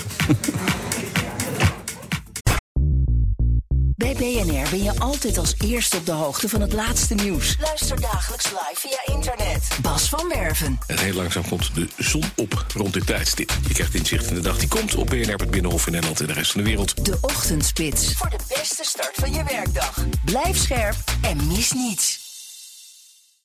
De Friday Move wordt mede mogelijk gemaakt door TUI en Europarks. Europarks, je perfecte vakantie of je eigen tweede huis. Blijf scherp. BNR Nieuwsradio. The Friday Move. Goedemorgen allemaal. We mogen weer. Welkom allemaal. We gaan weer open. We doen vandaag iets heel spannends. We laten de maatregelen weer los. Ja, inhalen, twee drankjes tegelijk. Hoppa, gaan. Wilfred Genee. Ja, we kennen Eddie Zo natuurlijk als een eh, succesvol tv-presentator... maar hij schijnt ook muziek te maken. Wat leuk zeg.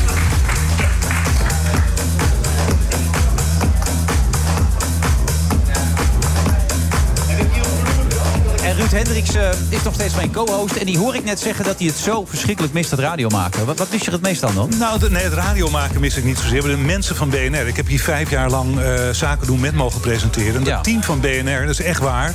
Dat, nou, dat weet je zelf. Jij zit hier ook nog steeds, terwijl je je ook niet verveelt de rest van de week. Dat is gewoon een ontzettend leuk team. Dus ik mis niet zozeer het radio maken, wat ik overigens ook heel erg leuk vind. Maar dat team is gewoon ontzettend aardig. Vincent die hier de techniek doet en Thomas die eh, de platen draait. Dat is gewoon eh, ja, leuk. Nou, liet hem net even maar Ook leuk om jou weer te zien. Ja, ja. Ja. Nee, ik vind het ook heel het dat is jij er wel. bent natuurlijk. Ja. Wat is er met je hoofd gebeurd? Oh nee, dat hebben we al behandeld. Zo Ja. is het. Ja. Dat was om vier uur. dat weet ik nog niet eens. Wat is er Nee? met je hoofd gebeurd? Iets lang in de zon gezeten. Ja, moet, moet ze nu even een klein ingreepje en dan is het weer oké. Ze hebben een beetje gesneden. Geen reden tot ongerust. hè. Goed zo. Ja. Maar jij bent boos, hè, Eddie? Ben ik boos? Ja, je bent boos, want jij wordt te vaak neergezet als tv-presentator. En eigenlijk ben je misschien nog wel meer muzikant dan tv-presentator. Dat Nou, vind ik, ben fijn. ik ben er zeker niet boos om. Maar, Jawel. eh, nee, nee, nee, ik ben er echt niet boos om. Maar het is. eh, Ik heb me er in ieder geval bij neergelegd dat ik eh, als televisiepresentator gezien word. En dat, dat het niet zoveel zin heeft om dan heel veel gas te geven. Om te roepen van eh, ja, maar. eh, of ik maak ook nog kunst en ik maak muziek. En ik, iedere keer trap ik er weer in, doe ik het toch. Maar Ja. het heeft niet zoveel nut om dat te Je doen. blijft ook gewoon nummers maken, muziek produceren. Keep exploring. Waar doe je het eigenlijk nog dan? Omdat ik het heel erg leuk vind. ik denk dat dat de allerbeste reden is om het te blijven doen, toch? Gewoon dat Is het commercieel nog interessant om muziek te maken deze dagen? Voor mij niet. Eh, dat is het ooit wel geweest. Ik heb ook wel eens eh, projecten gedaan eh, met commerciële producten. Chips was zo'n product. Daar heb ik ook liedjes voor geschreven. En, Chips? Ja, Chips, dat is een kinderact. Dat zijn, eh, Maar, maar de muziek die je nu maakt is commercieel niet interessant. En je verdient veel meer met je televisiewerk en andere Ja, dingen. ja, zeker. Hij Ja. zeker. Dat gaat echt hartstikke goed met Eddie. Ja, en, en, en, en, eh, eigenlijk kun je er ook bij zeggen dat muziek zo weinig opbrengt dat het niet eens eh, verschil maakt. Maar het, het voordeel is wel dat ik ben vanaf 92 ben ik, eh, ik ben ooit gecontracteerd door Polygram als stockwriter. En dat was inderdaad 91, 92. En dan schreef je liedjes voor best grote artiesten, ook wel wat echte hits gehad. En dat was wel een tijd dat, eh, dat je gewoon kon leven van muziek maken. Had je en Buma en Stemmera uitkering, ook nog echt platenverkoop. En er zijn wel een paar jaar geweest dat ik eh, zeker in de begintijd meer verdiende met muziek maken dan met televisie. Maar jij was eigenlijk de Nederlandse John Hyatt. Die deed dat ook. Hè? In opdracht gewoon nummers eh, schrijven en daar goed van kunnen leven. En Ja. meespelen soms. En... Nou, in die man schaduw kan ik niet staan. Maar ik, Bruce Springsteen heeft het ook gehad. Hè, dat hij dacht van, nou, ga ik hier nou wel of niet een album van maken? En dan uiteindelijk ging de Pointer Sisters weer met een track van Ja, de van Fire, Ja, en, Because the Night van Patty. Ja, exact. En dat vind ik, dat vind ik, wel, eh, vind ik wel een heel mooi, eh, mooi beeld. Dat je gewoon eigenlijk altijd liedjes kunt schrijven... en wellicht zelfs het andere dat we kunnen oppakken. Eh, dat heb ik een tijd gedaan. Ben ik weer mee gestopt. Dat ik merkte, als ik dat ging doen, schreef ik niet voor mezelf. Eh, en eh, nu kan ik gewoon één keer in de zoveel tijd... eh, gewoon weer een album uitbrengen, omdat ik het gewoon blijf doen. Ja. Keep exploring. Waarom? Waarom deze naam? Ehm, het is eigenlijk een slogan die heel va- vaak voorbij komt als ik voor National Geographic werk. Eh, en iedere keer dacht ik van ja, dat is precies wat ik in de studio aan het doen ben. Iedere keer weer grenzen verleggen of nieuwe dingen bijleren. Op dit album, ah, elke basgitaar die je hoort, heb ik zelf ingespeeld. Nou, ik ben gitarist. En bassist is toch echt een, ander, eh, een, een andere discipline. Maar ik heb me dat wel dusdanig eh, aangeleerd om te kijken wat kan, wat kan ik daarmee. En wat, hoe moet je dat dan weer doen met sounds? En hoe moet je dat dan weer doen met effecten? En ik ben er heel erg ingedoken in het studioproces. Zangkoren opnemen, gelaagdheid, geluiden produceren, op een andere manier gitaar opnemen. En dat is een soort van eh, zoektocht. En Nog dat wel leuk, ik- als je over muziek praat, gebeurt er wel wat met ja, hem, hè? ja, ik Dat vind, het echt, zien. ik vind het echt heel mooi om te doen. Eddie, heb je die documentaire over de Beatles gezien? Let it Ja, be? ik, ben, ik zit erin. Dan zie je dus die vier Beatles. En dan Ja. blijkt dus dat Paul McCartney heel goed kan drummen. En dat Ringo Starr heel goed piano kan spelen. Dat was voor mij een openbaring om dat te zien. Ja, maar dat vind ik heel mooi daaraan. Hoe, eh, hoe ze spelenderwijs tot iets komen. En inderdaad, dat je dus ook een bepaald beeld van ze hebt wat niet helemaal klopt. En het is alsof je erbij bent hè, als die nummers worden gecreëerd. Echt fantastisch. Ja. Ja, dat is een hele goede hebben om dat toen allemaal te filmen, hè? Dat is toch wel bijzonder? Ja, dat is inderdaad bizar. Ja, en dat die het ook tijd zo al. lang geduurd heeft voordat we dat zien. Want je zou dan zeggen, dat heeft toch een keer ooit iemand eerder bedacht... dat we dat allemaal moeten gaan zien. Er is wel technisch heel veel gebeurd waardoor ze het nu kunnen laten zien. Want hele stukken tekst die er niet meer waren, hebben ze terug kunnen halen. Door gebruik te maken van een kunstmatige intelligentie. Om die, die teksten te, te recreëren. Dus ze hadden wel het beeld. Ja. Fantastisch, Ja, de productie eh, achter die documentaire is heel erg interessant. Ja. Het is de, ge- gedaan door de regisseur van The Lord of the Rings. hè, Diezelfde techniek. Die Peter Jackson, of hoe heet die man? Ja, oh, fantastisch. Toegepast. Nee, maar je ziet nu van alles en iedereen wordt een documentaire gemaakt. Zo real life mogelijk, weet je wel. Maar eigenlijk waren ze hun tijd ver vooruit met al die Dat beelden natuurlijk. Maar met alles. Ja, met muziek ook. Laat nou gewoon eerlijk zijn. Ja. Echt hun tijd ver vooruit. Jij weet het, dat soort dingen natuurlijk ook omdat je al die start-ups natuurlijk een beetje begeleidt. In de techwereld. Ook, ook dat, maar Ja. ik ben gewoon ook heel erg gek van muziek. En ik, ik heb heel veel jaren zelf niet alleen in clubs gedraaid... maar vooral ook radio-dj-werk gedaan. Ik was een hele slechte dj overigens, hoor. Maar Dat, dat, dat, net, dat ontkracht door, door Kluun, die zei dat het Ja, best dat goed ging was. over de house. Ja. Ik heb het nu over de radiodagen. Dat was niet zo'n Oh, succes. Maar word, word jij nog verrast door muziek? Want je zei net een beetje, eh, voordat we begonnen... van, dat je eigenlijk niet zoveel muziek meer draait... bijvoorbeeld in de auto. Dat klopt. eh, maar ik word nog wel regelmatig verrast door muziek. Ja, want als ik, als ik iets lees. Een recensie over een nieuw album van deze of gene, dan zoek ik dat wel op. Ja, wil ik ja, het wel horen. Ja. ik, wil, ik wil wel blijven ontdekken. Maar, oh, en laten we En even weet je, ik heb pas een paar jaar Keep geleden. Ik ben een hele brede smaak. Maar een paar jaar geleden heb ik pas de country ontdekt. Nou, luister even naar deze. Dit is Keep Exploring. Hey, hey. Everyone can walk on water. Hey, hey. The yeah.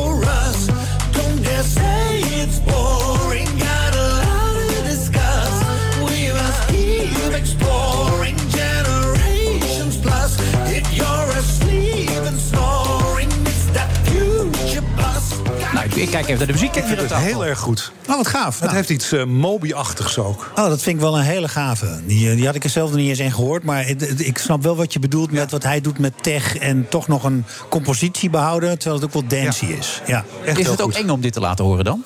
Nee, ik vind het niet meer eng. Dat heb ik in het begin wel. Als ik denk van, dit moet het ongeveer zijn... En dan, dan stuur ik meestal iets door naar een jongen die dat voor mij gaat mixen. Kan je Ja. melsen. En dan denk ik wel van, is het, eh, klopt het? Weet je, heb je nog, voel je nog dat ergens iets leeg is? Of, eh, en dan ben ik wel dat ik altijd denk, wie weet krijg je terug dat iemand zegt... ik weet niet, het is nog niet af of zo.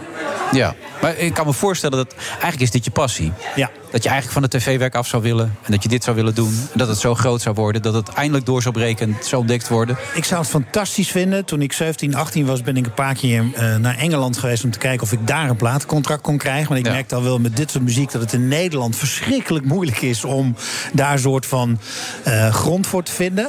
Ehm, en omdat ik liedjes schreef voor andere artiesten... waarbij je dan heel duidelijk wordt aangegeven van... eh, dit is het kader. En dan ga je ook een soort van als een hitmachine meer te werken. Echt liedjes schrijven op, op radio airplay. Eh, daar ben ik zo van afgestapt... dat ik al helemaal niet meer bezig ben met überhaupt dat te verkrijgen. Dat schept heel veel vrijheid. Hè? Het voordeel van dat ik dus nooit als artiest zelf heel groot ben geworden... betekent dat ik alles kan doen wat ik wil. Want het maakt namelijk niet uit. Eh, maar dat, eh, houdt ook, dat zorgt er ook voor dat je jezelf gelijk daarin cancelt. Juist. En tegelijkertijd sta je dan iets te doen op tv. Ik zei het van de week nog tegen Rob Goos. Dus heb je soms niet het gevoel... ik wou dat ik een vak had geleerd... als je over die hele rel rond de voice moet eh, presenteren. Ik, eh, ik ben heel blij dat Rob dan in dat geval... ik weet niet of hij geen vak heeft geleerd... maar ik ben blij dat Rob dan geen vak heeft geleerd. Ik vind hem er heel goed in. Ik heb een vak geleerd, grafisch ontwerpen. Ja. Ik heb kunstacademie gedaan, gewoon afgestudeerd. En, Maar je voelt je niet ongemakkelijk als je dat allemaal aan elkaar moet lullen. Nee, ik vind Boulevard zo leuk om te doen. En ik heb er wel over getwijfeld hoor. Want ik een telefoontje kreeg van Blue Circle van wil je dat doen? Had ik het zo lang niet gezien dat ik een heel ander oordeel over het programma had. Ik zei dat net tegen jou. Van ik heb soms het gevoel dat als je nu naar shownieuws kijkt... dat dat misschien vroeger meer Boulevard was. En Boulevard is veel minder van op die plek een opinie geven. Dat vraag ik aan Rob. Het is minder roddelachtig geworden in de loop der jaren. heb ik dat goed gezien? Ik, ik denk echt met, een, met iemand als een Luc Ikink... wat toch echt een gedegen journalist is, om het maar zo te zeggen. eh, met zijn humor en dat je daar als host... we zijn hartstikke inwisselbaar, want we staan er ook met z'n vijven... veel meer gewoon het aan elkaar praat, de tijd in de gaten houdt... en, en een soort van vind ik super tof om te doen. Maar het is allemaal gerepeteerd. Je repeteert een uur, maar het feit dat het live is... en dat je echt niet aan alles toekomt... of dat na een repetitie zelfs een hele show omgegooid kan worden... omdat er iets gebeurt. Man, dat blijft spannend hoor. Ja? Ja, vind ik wel. Ik vind zo'n repetitie, wij repeteren nooit. Gewoon zitten en gaan met die banaan. Nou ja, ik denk dat het met sommige programma's kan. En ik, ik doe nog genoeg dingen. Het is technisch best een ingewikkeld programma. Hè? Veel Ja. instarts en dat soort Ja, dingen. ik, ik heb ook niet het gevoel dat er heel erg gerepeteerd wordt voor ons die daar staat. Want eh, dat ligt ook aan een eindredacteur. Die zit, soms ga je er heel snel doorheen. Maar dat het inderdaad eh, meer met, eh, met dat soort dingen te maken heeft. En jullie staan niet in Amsterdam, want ik hoorde net, eh, nog Ja. steeds is het gewoon Ja, eigenlijk wij, wij mogen officieel niet eens zeggen waar we staan. Dat is natuurlijk allemaal geheim. Maar eh, nee, eh, Amsterdam wordt door heel veel mensen gemist. Maar Ja, het, het, ziet er zo, het is zo slim gedaan. Want je ziet die achtergrond van het Leidseplein. En als je niet beter weet, denk je... nou, het is allemaal echt, eh, echt live op het Leidseplein. Maar als je daar langs loopt s'avonds, dan is het toch echt heel donker. Ja, dat moet Zo wel- weet ik uit dat, ervaring. dat moet heel raar zijn. Ik ben daar dus ook niet meer geweest sinds we daar weg zijn. En eh, ik denk ook dat het raar is als ik daar naartoe ga. Het ziet er heel triest uit ja, eigenlijk. Ik denk ook dat het raar gaat voelen. Maar je zegt het wordt gemist, Amsterdam toch wel? Ja, v- v- door heel veel mensen die het programma maken. Kijk, Ja. het zal je niet verbazen dat de grote groep die dat programma maakt... Die wo- dat woont in Amsterdam. Dat zit allemaal, het is allemaal Blue Circle, Pieter Braaiweg. Hmm. Die konden met hun fietsje van waar ze woonden... naar het Leidseplein om het Vind je dat de sfeer in het programma daardoor is veranderd? Merk je dat als, ik als vind insider? zelf, nee, ik vind zelf van niet. Ik, ik moet je heel eerlijk zeggen dat ik het prettiger vind. Want ik vind dat er iets meer stilte is, iets meer ruimte is. eh, en iets meer rust. Ik, ik, vind, ik vond het nogal wat om iedere keer eh, naar Hartje Amsterdam te gaan. Je auto daar te parkeren.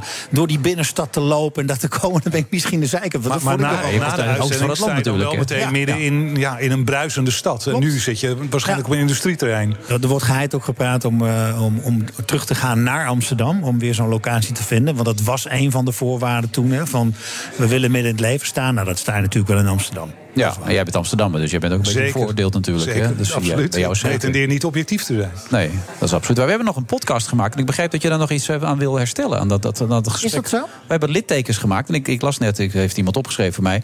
dat je nog iets recht wilde zetten. Oh, ja, ik, dat is mooi. Hè? Met zo'n programma heb je een voorgesprek. Maar ik, eh, binnenkort sta ik in de Playboy. Ja, ik hou mijn kleren aan, gelukkig. Maar dat is voor de tweede keer dat ik erin sta met dat grote interview. Dat vond ik sowieso al een kick. En toen kreeg ik wat vragen erover. En dat ging dan ook weer over, eh, over die muziek. En eh, ja, dat het dan als je hitlijsten niet haalt, is het dan wel goed genoeg? En toen heb ik inderdaad aangehaald, dus dat zal ook in dat Playboy-interview terechtkomen, van ja, ik heb toen littekens gedaan met Wilfred. En jij zei toen ook van, ja, dan is het misschien, dan is het gewoon niet goed genoeg. Je zei het vrij stellig. Van, Ja. je staat Nee, niet in de hitlijsten, zeker dan is het niet goed genoeg. was ook weer boos toen op mij, ja. Eh, nee, totaal niet boos. Maar toen ik terugreed, dacht ik wel... dat is, een hele, dat is een, eigenlijk een soort van sportmanier om ernaar te kijken. Kijk, als jij tien man op een rij zet... en je laat je een aantal keer de 100 meter lopen... dan denk ik echt dat het zo is dat degene die het vaakst eh, eh, eh, als eerste over die lijn komt... Dat is, dat, die is het beste. Ja. Maar je kunt een hitlijst niet gebruiken om te zeggen of muziek wel of niet goed is. Dat zou betekenen dat Mart Hoogkamer en Donny Maradoni beter zouden zijn dan Miles Davis en Frank Zappa, die absoluut bijna nooit in een hitlijst gestaan hebben. Ik denk zelfs nooit. Dus als je denkt van omdat je in een hitlijst lijst staat ben je goed, of omgekeerd, omdat je er niet in staat is het niet goed genoeg, dan ga je voorbij aan zoveel muzieksoorten. Maar als je met muziek emotie weet te creëren, is het toch altijd goed? Misschien niet voor dat grote publiek, misschien niet in, in, in het- opzicht, maar als het je raakt, dan heb je toch iets goeds gedaan. Ja, kijk, op deze man word je nooit boos. Nee, maar Stairway to Heaven heeft ook nooit in de hitparades gestaan. Dat is mooi, hè? Als je kijkt naar die hitlijsten alle tijden. Hoeveel van die hits die wij als hit zien... die nooit in een hitlijst gestaan hebben... of mm, hoogste plaats 24. Volgens mij avond van Boudewijn de Groot ook niet. Ja, dat is bizar. Maar d- dan zeg je eigenlijk, mijn, mijn muziek is niet hitgevoelig genoeg.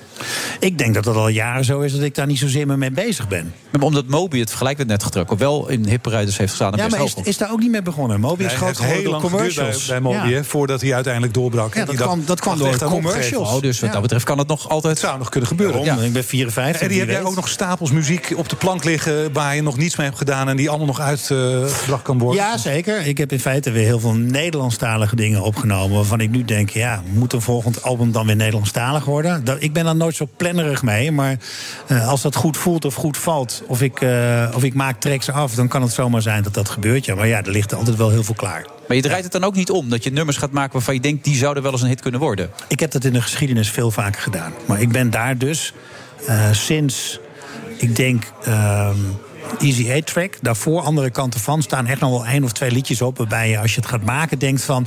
oh, wacht, misschien iets minder dit. Toch maar niet die gitaarsolo. En eh, daar- daar wilde ik vanaf. Ja. Ik wil het nu je wil jezelf niet verlogen. Je wil Eddie gewoon kunnen zijn. Ik, Eddie. ik wil 100% Eddie zijn in die muziek. Concessieloos. Concessieloos. Ja, dat is het wel.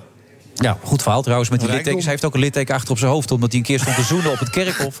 En toen viel hij achterover vol op een grafsteen. Boing, zo dat, achterover. is, dat is dat dit is toch een goed verhaal? Zo, het is is een geen fantastisch verhaal. Ja, dat is Ja, bizar, ja. hè? Er zit inderdaad, eh, dat was een afgezaagd boompje. Maar jij ziet het zelf nooit natuurlijk. Want Nee, ik zie het nooit. Nou ja, eh, kijk, ik scheer en dat zie ik wel ergens weer op televisie terug. Maar het is inderdaad een bizar verhaal. Ja. Maar Eddie ging staan zoenen op het kerkhof. Ja, dat is Ja. bijzonder. Ja, dat is toch Ja. heel apart. Nou, ik weet niet, als je uit het oosten komt, je komt uit het plaatsje Vierde, dat is een heel klein plaatsje. En dat was een feestweek. En overal waren mensen. En de enige rustige plek, dat was ongeveer dat, die begraafplaats. Ja. Alleen na vier, vijf dagen non-stop feest en weinig slapen, eh, ging bij mij het licht uit onder het zoenen. Ja. Dat is het verhaal. Ken je Mijn, dat gevoel? mijn, mijn echtgenoot is eh, psychotherapeut. En die behandelt ook wel eens mensen met, eh, laten we zeggen, bijzondere seksuele gewoonten. En ik mag niet zeggen dat ze bijzonder of afwijkend eh, zijn. Maar dit, eh, dit komt ook een eh, stuk in de richting daar op die begraafplaats. Ja. Ja, er, zijn, er zijn mensen die, eh, die zeggen dan dat het in de buurt komt van necrofilie. maar dat, dan kom je bij Hans Dorrestein uit. Dan heb je het kerkhof. Het kerkhof, het kerkhof, het kerkhof bij nacht. Ken je die, dat, dat, Nee, gedicht? niet. Ja, dat is echt een fantastisch verhaal. Gaan we hier niet doen, maar dan zijn we onze luisteraars gelijk kwijt. Nou heb je natuurlijk wel een voorsprong, Eddie. Want jij bent bekend, je bent een bekende presentator. Jij kan dus overal aanschuiven. Ja. Merk je dat nou ook nog? Dat dat misschien nog een klein hier en daar een deurtje extra opent? Of? Ja, ik ik vind het heel fijn dat ik hier mag aanschuiven. Maar ik merk eh, dat het bij, eh weet je, met radio, dat weet je ook. Er is geen enkele radio-dj die kan bepalen wat hij draait. Nee. Ook al zou ik vriend zijn met al die jongens. eh, volgens mij krijgen ze gelijk een telefoontje van eh ome John als ze ook maar iets anders draaien. Dus dat werkt ik gewoon denk niet dat meer zo. Alleen Edwin Evers, hè, die mocht altijd zelfs op Ja, praten maar uitkiezen. die heeft Ja. wel gezegd van mijn smaak komt dan wel heel toevallig bij wat de zender wil. Ja. Dus dat scheelt. Maar Erik Corton zelf bijvoorbeeld laten bepalen wat hij draait. Dan heb je een leuk uur, maar dat is vragen om probleem. Ja. Nou, ik had nog wel een beetje ruimte. Er moest wel een playlist worden gemaakt, maar daar flikker ik regelmatig wat uit. En Dan kun jij mijn muziek dus wel draaien. Nee, ik ben ermee gestopt. Ja, ja, dat snap ik wel. Beetje vroeg was het allemaal. Ja. ja. Maar goed, het is, uit, het is weer gelukt, hè? En je gaat gewoon door met Keep Exploring. Ik ga gewoon door met Keep Exploring. Ja. En als het even... eh, nog even, je gaat ook mee naar het buitenland weer? Of, of is het echt eh, voor de Nederlandse markt nu? Het is nu wel voor het eerst dat ik terug hoor dat er in ieder geval in Engeland iets gebeurt. Dat is alles te maken met die Spotify-playlisten. In één keer komt hij in Engeland op allerlei Spotify-playlisten. Het liedje Police Police van het album. Dat was dan een single. Ja. En daar ben ik toch nog een beetje verbaasd over. Maar ik vind dat... En blij natuurlijk. Allergaafste. Ja, dat lijkt me toch ook? Allergaafste wat je kan gebeuren. Ja, maar dat presenteren, man, wat is het eigenlijk ook? Hè? Het Ja. stelt allemaal geen fluit voor. Als, Het als, als, het ook maar, als het ook maar dit gebeurt in Engeland... dat ik een reden heb om er naartoe te gaan, te gaan toeren... en daar mijn muziek te verkopen, dan ben ik weg. Dan ben je weg bij Boulevard. Dan ben ik weg. Dan ben ik überhaupt weg. Dan ben ik weg uit Nederland. Zo, dat zijn teksten. dat zijn Ja, dit is een kop, hoor. Dit is een kop. Daar krijg je spijt van hoor, na verloop van tijd. Ja, het is verschrikkelijk, dat heb ik net gehoord. Ja, maar Toch? Read my lips. Jij zit ook op Ibiza en komt af en toe terug. Zo Dus, is het, en ja. Londen, Londen. Amsterdam Ja. is een hele korte lijn. Ja, dat is heel dicht. Dat scheelt. Maar heeft het hitpotentie voor Engeland, wat hij net eh, heeft laten horen? Nou, ik ben zo lang uit de muziekwereld, maar voor jou Ja, hoop dat- ik op, oprecht van wel. Ja, dan zou ik meer moeten laten horen, maar eh, we, gaan, we gaan het zien. Ja, we gaan het zeker zien. Nou, Goed dat je er weer was. Fijn dat ik er mocht zijn. Ja, en Dankjewel. eh, wij gaan nog even door. Een beetje bij politiek. Wat ben jij ook eigenlijk wel georiënteerd rechts, neem ik aan, hè? Ik eh, stem al jaren op de Partij voor de Dieren. Partij voor de Dieren? Ja, omdat ik eigenlijk me bij geen ene andere politieke partij nog thuis voel. Alleen bij de dieren? Eh, nee, maar ik, weet je, ik, eh, ik, ik vind stemmen heel belangrijk. Hè. Dus waar ik ook ben in de wereld, ik zorg altijd dat ik kan stemmen. Ik stem ook altijd. Op de dieren? Omdat ik me nergens thuis, thuis voel, vind ik het wel leuk om op een one-issue partij te stemmen. Oké. Ik volg de politiek wel eh, intensief. Oké. Nou, we hebben zo meteen de SP met de Lilian Marijners. Die gaat het goed neerzetten. Dus misschien dat je... Hè? Ja, Weet niet. Tot zo. Zeker.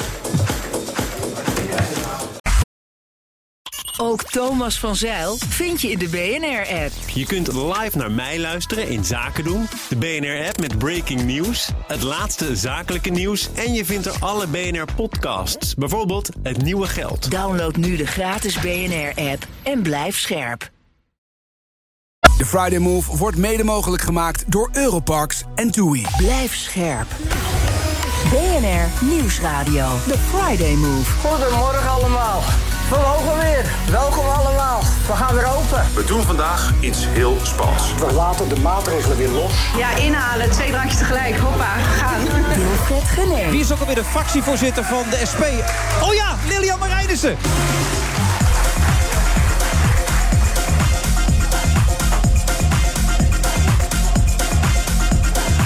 Lilian heeft nu ontzettend veel zin in. Dat merk ik gelijk aan in het interview, hè? Lilian, ja, Ja, leuk met, toch? met zo'n introductie, Ja. kom er maar eens om. Ja. Dat heb ik niet elke dag, dus eh, zeker. En Leendert Beekman gaat hier ook zijn debuut maken aan de tafel. Ja, wel, welkom. eh, nou ja, eigenlijk welkom, maar... ja. ik wil best Welkom welkom, tegen jou zeggen. Ja. Nou, welkom Leuke. Ja, dankjewel. Ja, leuk dat je er bent. Ja. Ben jij ook welkom, Ruud? Dankjewel. Ja, ook leuk dat je er bent. Ik blijf even.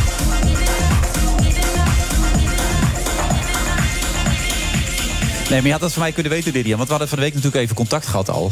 En toen hadden het onder andere over Henk Krol en over eh, Caroline van der Plas. En nog een aantal zaken. En toen kwamen we toch weer op die conclusie uit. Wat moet de SP nou doen om meer in beeld te komen? Ik wist dat je dat ging vragen. Ja, Ik wist dat je dat ging vragen. daarom. Dus je hebt voorbereid hierop. En nu wil ik graag het antwoord hebben. Ja, nou, ik denk dat wij heel veel doen om, eh, om in beeld te komen. maar die conclusie we het- ook getrokken. Ja, precies, precies. Ja, maar kijk, nee, maar, eh, nee, nee, nee, het ging eigenlijk anders. Hè. Hoewel, Oh, het echte verhaal vertellen. Ja, ik sprak jou aan, omdat jij wel eh, Caroline van der Plas... Henk Krol zat Krol. van de week. Ja. Westbroek zag Ja. ik zitten bij jou Ja, in de uitzending. weten. Ja, sorry hoor. Ik Utrecht. jou aan. Op wat voor verhaal hebben zij eigenlijk te vertellen? Het is entertainment. Het is entertainment. Het is, het is onderhoudend. Daar gaat het om. En als je dan nog een klein boodschapje er doorheen kan weven, dan is het goed. Als je heel serieus daar gaat zitten om alleen maar die boodschap te brengen, dan luisteren mensen niet meer. Nee, Dus maar hebben het is de toch wel fijn dat je iets te melden hebt, nietwaar? Denk ik dan. Ja, maar het grote publiek klaarblijkelijk niet. Nou, Hoezo niet? Nou ja, dat spreekt ze wel vaak aan. Caroline van der Plas is populair, omdat ze goed uit de woorden kan komen, snel een verhaal kan Maar hij heeft vertellen. één zetel, hè? Ja. Nou ja, ja, nee, oké. Nee, prima. Nee, prima. Pas nou op, Goed. pas nou maar- op. Maar in, in de peilingen gaat ze wel Ja. hard omhoog. hè? Zou ik net zeggen. Ja. Ja, je wil zeggen, de SP stond vaak ook heel hoog... en dan had Emiel Roemer vlak bij de verkiezingen weer wat doms gezegd... Dat- en dan Wilfred Gené, dat is 100 jaar geleden. Dus dat is een beetje flauw om nou weer over te beginnen. Dat is natuurlijk onzin. Nee, maar ik erger me er wel aan. Er is zoveel aan de hand. Hallo, er is een Ja. gigantische woningnood. eh, de problemen in Groningen, daar hadden wij het over. Zorg, onderwijs. Zorg, waar nu weer ontzettend veel op bezuinigd wordt. AOW, losgekoppeld, al- minimumloon. Ja. Nou ja, ik denk, laat het, laat het ook daarover hebben dan. Ja. Nee, maar we hebben het ook wel over de AOW bijvoorbeeld bij ons in het programma. Je, mag best een keer langskomen. Je mag best een keer langskomen. Doe ik met liefde en plezier. Het gevaar is, en dat hebben we het vaker besproken... dat het te veel met de vuist op tafel gaat... en dat mensen niet meer gaan luisteren. Nou, dat weet ik niet. Dus het zou ook iets zachter, iets warmer, iets liever kunnen. Dat idee. Ik moet iets zachter, iets warmer, iets Nou ja, ik heb het gevoel, maar voor mezelf. Dat zou je tegen de vader nooit gezegd hebben. Nee. Maar ja, dat is weer iemand nee, anders. Wilfred Gené. Nee, dat is weer iemand anders. Het gaat om de manier waarop je de Maar- boodschap brengt... die het beste bij de persoon Ja, past. maar ik denk dat dat niet alleen een probleem van de SP is. Dat zie je ook bij de vakbonden. Het aantal leden van de FNV Nou ja, is je ziet het aan op, het lopen. je ziet het op heel links. Ja. Niemand kan het verhaal meer vertellen. En daarom hebben ze gelukkig een, eh, een soort groepje samengesteld. Eendracht maakt macht. Ja, de enige die nooit komt is Lilian Marijnis, heb ik ook gelezen. Die, die schittert altijd door aanwezigheid. Maar dat, dat- jullie proberen elkaar wel te zoeken, toch? Op links. Nou, niet alleen op links. Kijk, de SP werkt met alle partijen samen die eh, vooruit willen. Alleen, voor ons is wel belangrijk dat... er zijn ook namelijk echt wel onderwerpen... waar wij gewoon anders over denken... dan partijen Ja. die zichzelf links noemen. Klimaat bijvoorbeeld of zo? Zeker. Er Ja. gaan nu bijvoorbeeld miljarden naar eh, dat klimaatfonds. Ja, 25 ik, miljard, ja. Ik verbaas me daar wel over hoe ook linkse partijen echt al de Polonaise lopen. Oh, wat goed dat er zoveel Ja. miljarden naar klimaat gaan. Nou, wij vinden dat niet. Want als je ziet ehm, hoe ze dat gaat doen, dan betekent het dat de grote bedrijven die gaan aanspraak kunnen maken op die subsidie. Ja. Het is de gewone belastingbetaler die daarvoor kan opdraaien. Hè. In een tijd waarin heel Nederland te horen krijgt: jullie gaan er allemaal op achteruit. Worden er wel miljarden uitgegeven? Ja, wij zeggen: hey, laat die grote bedrijven met die gigantische winsten dan eerst die winsten eens inzetten om te verduurzamen. Voordat je de belastingbetaler. Maar, maar zijn die verschillen dan zo groot dat je zegt dat daarom is het heel onverstandig om samen te gaan met GroenLinks en de Partij van de Arbeid? Ik vind dat wel een groot verschil. Ja, Maar, de- maar jullie worden gewoon gemarginaliseerd daar op links. Dan zou je toch zeggen, een fusie die ligt in de lijn der verwachtingen. En dan laat je dat toch niet op, op zo'n punt over het klimaat, laat je dat toch niet vallen, zoiets? Maar het is natuurlijk niet alleen het klimaat. Migratie, ook meer- een punt. Migratie, denken ze ook anders over. Klopt. Ja. Er zijn partijen die zichzelf links noemen. Die zeggen, ja, het is hartstikke fijn voor arbeidsmigranten om hier te komen. Want dan kunnen ze een beter salaris verdienen. Terwijl wij zeggen, nou nee, wij vinden dat je arbeidsmigratie strakker zou moeten reguleren. Dat is meer een rechtsstandpunt eigenlijk. Maar heb je uiteindelijk wel een rechts- keus? Nee, maar Wilfred Gené, dat is geen rechtsstandpunt. Dat Marijnissen. is een sociaal standpunt. Nee, dat, is het wel. verschil. maar het wordt vaak door rechts uitgedragen. En zeker door het wat extremere rechts ook. Ja, en daarom denk ik dus, om met jouw beginvraag te beginnen... dat het voor ons belangrijk is dat wij dat verhaal dus beter naar voren brengen. Want ik vind dat dus een sociaal verhaal. Ik vind het helemaal niet sociaal om die mensen hierheen te halen... om hier het werk voor ons op te knappen... waardoor hier de lonen laag blijven... waardoor mensen in slechte omstandigheden wonen. Hmm. Dat is, eh, vind ik, heel weinig met sociaal. Maar het is natuurlijk heel liberaal. Maar Lilian, als het zo doorgaat met de SP, je wordt langzaam maar zeker gemarginaliseerd. Heb je dan uiteindelijk nog wel een keuze? Zit jij liever met één zetel alleen in de Kamer eh, eh, om, om dat standpunt uit te kunnen blijven dragen? Of zeg je nee, we kunnen toch misschien beter samengaan met die andere linkse partijen? Ja, Ook al zijn dit grote en belangrijke punten. De aanname is dat als je samen zou gaan... eh, dat je dat dan zetelwinst zou opleveren. Dat nee, de aanname is als je niet samengaat dat je Ja, marginaliseert. dat geloof ik dus niet. Ik denk dat het precies andersom is. Het is precies andersom. Al die partijen in Den Haag, ook die linkse partijen, die zijn veel te veel op elkaar gaan lijken. Waardoor de grote problemen die er nu zijn, of het nou de woningnood is, of eh, het toeslagenschandaal. ehm, daardoor denken mensen ook, ja, maar als het allemaal op elkaar lijkt, als het allemaal één pot nat is, wat maakt het dan nog uit? Maar daarom dat ga je ook niet naar die samenkomsten. Daarom reageer je ook niet in de app. Dat, dat- je, je distancieert je daar een Dat beetje is echt allemaal zo kinderachtig. Doe over wel of niet reageren in een app. Wij werken samen met iedereen die goede ideeën heeft, natuurlijk. En dat zullen we blijven doen. Dat ja, is maar geen het idee enkel van het linkse blok, wat, waar, waar Ruud ook een beetje nu over praat, dat ga je, daar ga je niet in mee. Dat wil je niet. Nou- het is de bedoeling dat je wel meedoet. Ja, dus je ik moet ook participeren. Ik weet niet precies je zit nou erbij, kijkt mag... ernaar, eh, maar je mag ik gewoon weet, ik weet meedoen. niet hè? precies wanneer ik mag inbreken. Dat mag je maar gewoon altijd doen. wel op het moment dat je het over links en rechts hebt, hè. eh, jullie zijn... Doe een beetje ja, lief voor, Wilfred, eh, nou, Wilfred is nu hartstikke lief voor me. Nee, dat, dat is niks aan de hand. Maar als je het over links en rechts hebt... dan heb je het over de klassieke vormen van links en rechts. Hè. Dan denk je van de sociale partijen en liberale partijen. Maar we hebben het nu toch meer over conservatief en progressief. En die, hè, als je Partij van de Arbeid, GroenLinks neemt... die zijn denk ik iets te progressief voor jullie. Nou, is dan ook maar weer de vraag wat je progressief vindt. Maar inderdaad, in de huidige tijdsgeest, waarin het progressief gevonden wordt dat er maar miljarden naar klimaat gaan, ongeacht hoe je dat organiseert. Waarin het progressief gevonden wordt dat je inderdaad de grenzen openzet voor arbeidsmigratie. Want dat is een feest voor werknemers, want die kunnen dan een beter loon verdienen. Ja, maar dat is helemaal niet wat wij Maar over dat klimaatfonds, progressief hè? vinden. En de plannen die het komt kabinet nu... Ja, nu kom ik op gang. Ja? Heel Nee, Het klimaatfonds en de plannen die het kabinet gepresenteerd heeft... het grote bezwaar daartegen is... want je, je noemt nu dat de grote bedrijven gaan subsidies krijgen... maar eigenlijk weten we nog helemaal niet... wat er met het klimaatfonds precies gaat gebeuren. Ja, het is een beetje zoals Ernst Kuipers, die ook niet precies wist wat die getallen zat. Hè? Leen dat heel goed, ja. Ik kan jou voorspellen dat dat zo gaat. Want je hebt de VVD, dat is, dat is een duidelijke agenda. Die willen veel geld naar het grote bedrijfsleven. Je hebt D66, duidelijke agenda. Die willen veel geld naar klimaat. Dus wat krijgen we? Er gaan miljarden euro's naar klimaat. Maar heel veel mensen voelen volgens mij haarfijn aan dat dat niet klopt. Die hebben er wel mee te maken dat hun energierekening gaat door het dak. Hè. Gigantische inflatie, lonen blijven achter. Heel Nederland gaat erop Ja. achteruit. Je moet wel de dak isoleren trouwens. Dat is Bizar. belangrijk, ja. Maar als het door het dak gaat. Maar ga door, ja. Maar die energierekening gaat toch niet omhoog omdat die partijen zoveel aan het klimaat willen doen? Die energierekening gaat omhoog vanwege andere redenen. Rusland. Ja, maar het gaat Ja. erom het totaalplaatje. Dat, dat Nederlanders erop achteruit gaan in een tijd waarin het goed gaat met de economie. Waarin de miljarden beschikbaar zijn, bijvoorbeeld voor klimaat, die dan zullen gaan. Ja, maar het gaat goed met de economie, maar slecht met het klimaat. Er moet toch geld naartoe dan? Natuurlijk, maar dit kan je ook op een andere manier doen. Hoe zou jij het Dat dan doen? Nou, door die grote bedrijven te verplichten om hun winsten in te zetten... die ze de afgelopen jaren onder hun aandeelhouders hebben verdeeld... laat ze die winsten eerst inzetten om te verduurzamen... voordat de belastingbetaler daarvoor best betalen. logisch, vind je ook niet? Ja, zeker, maar die En waarom grote komt het dan niet over, Ruud? Ja. Ja, Die omdat jij dat elke keer maar zo blijft, Nou ja, blijft goed, roepen, Shell gaat naar eh, Engeland toe. Zo eh, is het. Unilever is al weg. Ze gaan Wordt heel stil. Tata het mag straks niet meer. Ja. Maar is het probleem met die fondsen niet nog veel groter... omdat de democratische controle niet gewaarborgd is? Daar Dat is maken ook een heel zorgen over. zeker. hè? Dat is ook een heel belangrijk aspect. Absoluut, tuurlijk. Dat hebben we ook gezegd. De Tweede Kamer moet daar eh, niet alleen over kunnen meepraten, maar ook controleren, maar ook mee beslissen. Mhm. Zeker. Maar ja, ik wilde reageren op jouw vraag. Van Mhm. hoe komt het nou dat dat, dat verhaal van de SP Ja, maar misschien dat, we hebben te al weinig jaren dit gesprek, eh, Lilian. We hebben altijd leuke gesprekken. En jouw verhaal, als je er zo zit te luisteren... ja, klinkt eigenlijk heel goed, klinkt logisch. En misschien zou je dat dan eens een keer als eerste vraag kunnen stellen. Nee, maar in plaats van een negatieve. Nee, ja, nee, het is altijd een beetje op de tease, hè, een beetje te prikkelen. Dat gaat het om. Maar eh, hoe kan dat nou dat het niet binnenkomt dan? Kijk, ik lees ook weer dat je nu bezig bent met een fundamenteel nieuw verhaal. Je wilt met een nieuwe boodschap komen. Wat gaat die boodschap uitdragen dan? Wat wordt dat dan? Nou, onder andere dit, denk ik. Dat het best goed is om te laten zien dat wij als SP een hele nuchtere volkspartij zijn. En dat wij daarom misschien op onderdelen helemaal ons niet thuis voelen bij andere partijen die zich misschien wel links, links. voelen. Mhm. Ja, maar dat in mijn ogen helemaal niet zijn. Heb je het ook over Europa bijvoorbeeld? Heb je het ook over dingen als het referendum, wat nu ook het Sociaal Cultureel Planbureau adviseert? Maar mensen willen vandaag de duidelijkheid hebben. Maar heel veel linkse partijen niet meer Mensen willen tegenwoordig. ook duidelijkheid hebben eh, wat dat betreft, Lilian. Op een gegeven moment, ze zitten aan die kant en ze zitten aan die kant. Waar zitten ze nou eigenlijk? Mensen willen vastigheid. Wij, zitten altijd op, wij hebben altijd op dezelfde plek gezeten. Onze standpunten, voor, ook ten opzichte van migratie, zijn afgelopen twintig jaar niet veranderd. Wat Nee, wel waar. veranderd is, is het standpunt van andere linkse partijen. We hebben een linkse partij die samen met de VVD mede verantwoordelijk was voor een heel groot deel van de sociale afbraak in ons land. Het Mhm. sluiten van de verzorgingshuizen, het korten van de pensioenen. Dat, is ook, dat hebben mensen ook gezien, dat dat Ja. links is. Maar die zijn er ook behoorlijk voor gestraft natuurlijk nu, toch? De PvdA. Die zijn er voor gestraft. VVD is lekker doorgegaan toen. Dat- ja, dat die klopt. heeft er helemaal niks van Maar, genomen. maar bij jullie is het intern toch ook niet allemaal pais en vree? Jullie afdeling in Rotterdam is min of meer opgegeven, als ik het goed begrijp. Nee, dat is in ieder geval afgesplitst. on- nee, nee, dat is niet waar. Wij gaan in Rotterdam gewoon meedoen met de verkiezingen. Ah, met een hele leuke nieuws, afdeling. Nou, dat is niet heel erg nieuw. Dat, dat is al wel bekend. Maar eh, nee, dat gaan we zeker doen.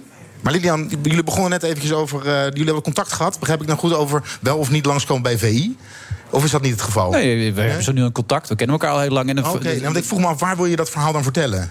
In de media Overal. of overal? Hier. In de Kamer? Ja, Maar in de hier. Kamer heb je toch alle ruimte om dat te doen? Nou, dat heb ik ook wel bij het debat over de regeringsverklaring geprobeerd. Ook om het allemaal wat fundamenteler te maken. Juist om die verschillen ook te benadrukken. Daar ben ik begonnen eigenlijk, mijn verhaal, met dit vertellen. Dat ik me heel goed kan voorstellen. Ik bedoel, we zitten met een, een, een, een in de historie zelden vertoond... dat een kabinet bij aantreden zo weinig vertrouwen heeft onder de bevolking. Mhm. Zo weinig. En dat ik dat heel goed snap. Gezien de grote problemen die er zijn. Het zijn dezelfde partijen, dezelfde ideeën, Ja, en dezelfde nieuw mensen. gaan we niet zien, dat is ook wel duidelijk. Natuurlijk gaan we dat niet zien. Maar ook omdat het zo'n politieke eenheidsworst is geworden.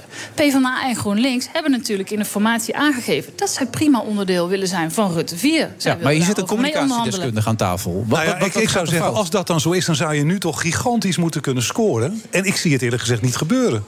En waarom niet? Ja, ik weet niet waarom niet. Ik denk dat de boodschap, precies zoals Wilf- Wilfred er net al aangaf... je bent een beetje lam geslagen. Er moet een beetje nieuw elan in. Niet alleen in de politiek, maar ook in de SP. Nieuw elan. Ja. Nee, maar toch, Lilian. Als Nee, maar serie- ik meen het serieus. Ik, ik heb echt het gevoel dat jullie steeds meer in de kantlijn worden gedrongen. En dan ook nog interne gedoe in, in, in Rotterdam... met een deel van de partijen die nog linkser is dan, dan jullie willen zijn. Even intern, ja, links. Nou ja, even misschien twee zinnen daarover. Dat ging over een zogenaamd communistisch platform. En dat waren mensen die bijvoorbeeld zeiden dat ze geweld niet uitsluiten. Dat ze bijvoorbeeld ook het leger en de politie, daar zouden ze een soort volksmilities van willen maken. Zouden ze het volk gaan willen bewapenen. Ja, neem me niet kwalijk, maar dan nemen wij Nee, maar afscheid goed dat je ze eruit gooit. Maar hoe, mensen. hoe Ja. kan het dat die mensen überhaupt ooit binnen zijn gekomen? Maar dat, daar hebben we natuurlijk, we hebben wel te maken met een ledenpartij en een ledendemocratie. Kijk, wij zijn geen Geert Wilders, hè, waar je geen eens lid van kan worden en die lekker alles zelf kan bepalen. Ja, maar er zijn een zijn hele andere partijen waar je wel gewoon lid van kan worden, toch? Ja, Ja, ik begrijp dat natuurlijk. je PVV als, als voorbeeld noemt. Maar Dat is ook de reden. Nee, maar goed, dat is ook de reden waarom we ingegrepen hebben, natuurlijk. Maar het is wel, ik snap het door dat, dat jij dat dan zegt, maar vervolgens zegt, ja, ja, je hebt intern gedoe. Maar volgens mij. Maar als je even het puntjes langsloopt hè, van de SP. Zij zeggen ook met migratie, pas er een beetje mee op. Hè. Houd een beetje, de grenzen mogen best een beetje dicht blijven. Ook vaak in de regio, hebben jullie gezegd, vang mensen daarop. Heb je Wat- nee, dit, dit gaat vooral over arbeidsmigratie. Ja, nee, maar ook in het verleden ook met- Dat is wel interessant. Weet je, de VVD wil zich altijd als een heel erg migratiekritische partij profileren. Maar Mhm. als je naar Rutte 4 kijkt... eh, men wil juist actief arbeidsmigranten, zelfs uit Afrika, gaan ophalen... om hier het werk te komen doen. ja. Maar er zullen best veel Nederlanders zijn. Nou, daar zit wat in. Ja, toch? maar goed, je hebt toch problemen in de zorg ook. En op het moment dat je dat met arbeidsmigranten... Ja, die, je lacht nu. Maar dat, het is toch een reële optie om daar hier mensen uit het buitenland voor te vragen. Ja. Dat gebeurde in Engeland ook. Maar dit, dit is wel een hele fundamentele discussie. Want als je ziet in de zorg, hè, er zijn dus zat mensen die in de zorg willen werken. De zorgopleidingen zitten vol. Het is alleen zo dat binnen twee jaar 40% van de mensen die begint in de zorg, die kapt er alweer mee. En waar heeft dat mee te maken? Gebrek aan waardering, weinig eh, salaris, te veel eh, bureaucratie en shit. Dit is allemaal op bord krijgen. Werkdruk, inderdaad. Dan denk ik, ja, laten we daar dan wat aan doen. Maar daar doet Rutte 4 dus geen zak aan. Er komt geen cent bij hè, voor extra waardering in de zorg. Terwijl iedereen ziet dat dat super hard nodig is. Die marktwerking wordt niet aangepakt. Terwijl ondertussen volgens mij heel Nederland vindt dat dat toch in de zorg misschien niet zo'n goed, goed idee was. Dus ja, en vervolgens wordt er gezegd: ja, we moeten mensen uit het buitenland halen. Die natuurlijk ook ergens moeten wonen. Die hier moeten integreren. Om dan maar in de zorg te gaan werken. Ik heb toch nog even een vraagje over het geluid hè, dat je wil laten horen. Dit kabinet gaat enorm veel uitgeven. Daar, daar hebben ze ook dat hebben ze eh, op de borst geslagen. Wij, wij zijn het kabinet dat gaat investeren. Er wordt maar heel, hè, er wordt maar heel weinig pijnlijke maatregelen genomen. Als je dan bijvoorbeeld over. Nou, AOE. Ja, tuurlijk. Wacht even. Heel Als Nederland je- erop achteruit. als je, als je, als je 400 kijkt miljoen bezuinigen op de Ja, daar verpleeghuizen. gaan we zo naartoe. Maar als je, 500 miljoen als op je- de jeugdzorg. Maar als je kijkt naar vermogensbelasting, die, eh, eh, die er niet bij komt. Hè, Ja. de, aftrek van eh, hypotheekrente. Als je dat verhaal, die komt niet bij jullie vandaan. Dan denk ik aan Jesse Klaver, dan denk ik aan, aan Ploemen. Maar dan denk ik niet aan jou op het moment dat ik de Ja, kritiek maar sorry, dan heb je toch echt niet opgelet vorige week bij Oh, het debat over de Ja, regeringsverklaring. niet opgelet. Sorry hoor, er is notabene onze motie Doe aangenomen. een beetje aardig dat- tegen zijn eerste keer. Hè? Ja. Dus ja, nee, je kan mij wel alles gaan verwijten, maar die is niet leuk. Maar ga door. Ja, je hebt niet opgelet, Ja, hij heeft niet opgelet. Nee. Onze motie is aangenomen dat die vermogensverschillen verkleind moeten worden. En dat het kabinet met voorstellen moet Maar laat ik komen. dan zo zeggen, Ondanks dat Rutte daar geen zin in had. Klaver vertelt dit. En Klaver die is prominenter in dit debat aanwezig met het, met het vertellen van dit verhaal, net zoals Ploemen. En misschien is dat wel ook omdat zij samen wat, wat meer samenwerken. Ja, dat, weet, dat zeg jij. Ja, dat maar zie waar ik. heeft dat toe geleid? Hè? Ik bedoel, uiteindelijk. Tot nu toe. Voor die partijen. Die kunnen ook beter gewoon samen gaan, toch? Als je dan toch een paar partijen noemt. Ja, maar dat gaat natuurlijk uiteindelijk ook gebeuren, Ja. toch? Lijkt mij ook. Nou, maar wat ik nou zo lastig vind, eh, Lilian... We, we- we- ja, we spreken heel vaak hierover en ook op deze manier. Maar dit gaat niet werken, denk ik persoonlijk. Hoe goed je verhaal ook is. Dus hoe zou je nu dat Maar fundamentele wa- verhaal... waarom niet dan? Want Omdat het is je het al makkelijk jaar- om elke keer te roepen... Ja, omdat je het al hebt jaren op de- eigenlijk eh, wel een punt, Ja, maar, maar het is precies, omdat, niet. precies wat, wat, wat Ruud net zegt. Je doet het al jaren op deze manier. Je zou nu denken, zeker na alles wat er gebeurd is... links zou er veel meer van moeten profiteren. En jullie zeker ook. Want er zit heel veel Nou, er zit heel veel in, in die verhaal die vertelt. Maar het komt niet over. Dus dat, dat, moet, iets, dat moet iets of veranderen of er moet iets, er moet iets gebeuren. Dat, dat ben je toch zelf ook met me eens? Ja, maar daarvoor zit ik hier toch ook? Ja. Daarvoor kom ik toch ook... eh, terwijl ik al weet dat jij dit gaat zeggen... dan dat ik weet dat het En als je het dus weet, dan zou je daarop kunnen voorbereiden om het heel anders aan te vliegen. Om het heel anders te benaderen. En niet in de verdediging te gaan, maar juist een hele andere. Ik ga ook niet in de verdediging. Ik probeer gewoon een antwoord te geven op jouw vraag. Ja. Maar goed, als jij maar blijft herhalen van... eh, ja, het slaat niet aan en weet ik veel wat. Ja, ik weet niet of het je is ontgaan... maar wij hebben wel de laatste verkiezingen meer stemmen gehaald... dan al die andere partijen die je net hier opnoemde. Dus je kunt elke keer blijven herhalen dat het niet aanslaat. Dat is ook een beetje Maar onzin, daar ben je tevreden over dan ook? Dat is iets heel anders. Nee, natuurlijk niet. En als je iets wil veranderen, ja, met negen zetels in de Kamer... natuurlijk gaat dat niet lukken. Dan moet je en samenwerken en groter worden. Mag ik ja, nog één vraagje over de AOW stellen? Zeker. Op het moment dat er de AOW ontkoppeld wordt... Ik vind het vervelend, hè, voor de duidelijkheid. Hm? Ik vind het ook vervelend voor jullie, want ik zie hoeveel energie erin legt. Maar ja, ik, ik zit er bijna kijken naar. Ik denk, goh, dat lijkt me echt helemaal frustrerend. Dit, dit lijkt me echt heel frustrerend. Nee, is niet frustrerend. Nee, is niet frustrerend. Maar ik wil wel graag van jou horen dan. Wat, je dan ja, wat, wat wil je dan anders zien? Ja, het is niet aan mij. Het interesseert mij verder niet. Ik, wil, ik ben niet van de SP. Maar als het mij zo zou overkomen zoals het jullie nu overkomt... dan zou ik toch wel denken, er klopt iets niet wat we doen. Er zit zand in de motor op dit moment. Er is iets verkeerd wat wij aan het doen zijn. Dat heb je toch zelf ook wel eens, dat gevoel, neem ik aan. Nou ja, kijk, ik denk dat het wel belangrijk is. Maar goed, dan kom je weer daar dat het, dat het veel belangrijker is voor ons om ook duidelijk te maken waar wij staan. En dat ik me ook heel goed kan voorstellen dat heel veel mensen dat misschien niet meer zo scherp zien. Omdat het in Den Haag ook veel meer een, een, een eenheidsworst is geworden, natuurlijk. Dat denk ik wel. Zou het ook met de lijsttrekker te maken kunnen hebben? Als, als jij het gevoel zou hebben van... hé, hey, er is iemand anders die misschien meer stemmen zou trekken dan ik zelf... doe, zou je dan terugtreden? Natuurlijk, ja hoor. Ik, En, eh, is er- zit er als veel talent achter De dag jou? dat, dat de SP dat wil, eh, gebeurt dat. Oké, nee, maar zit er maar veel ik talent ben net achter je? gekozen Nee, voor het nee. eerst de vorige keer als lijsttrekker. Oké, Dus maar zit er veel talent achter jou? Wij barsten van het talent. Waarvan je zegt van, hé, hey, die kunnen zich profileren... die kunnen ook een, een andere rol spelen... waardoor we nog zichtbaarder worden? Zeker, maar we, we hebben denk ik wel een hele sterke Kamerfractie. We hebben Renske Leijten, die onder andere toeslagenschandaal Ja. op de agenda heeft gezet. We hebben Sandra Bekkerman, die vorige week samen met Groningse organisaties daar het protest organiseert. En daar sprak ik jou op aan. Van, ik denk dat het goed is dat wij ook daarover mogen komen vertellen. Ja. En dat zie ik de Henk Westbroeken van deze wereld. Sorry hoor. Die zie ik daar weinig zinnigs over zeggen. Ja, maar daarvoor zat hij er ook niet. Nee, dat was ik wel duidelijk. Ja, dat was wel duidelijk, ja. We zitten daar ook voor, voor het amusement. Weg met de coronapas? Wij zijn niet voor de coronapas, nee. Nee, dus gooi er maar Nooit uit. geweest. Zo snel mogelijk ook, die coronapas. Ja, maar het is niet effectief. En eh, sterker nog, vind het best wel gevaarlijk in een tijd waarin duidelijk is dat het niet effectief is. Nee.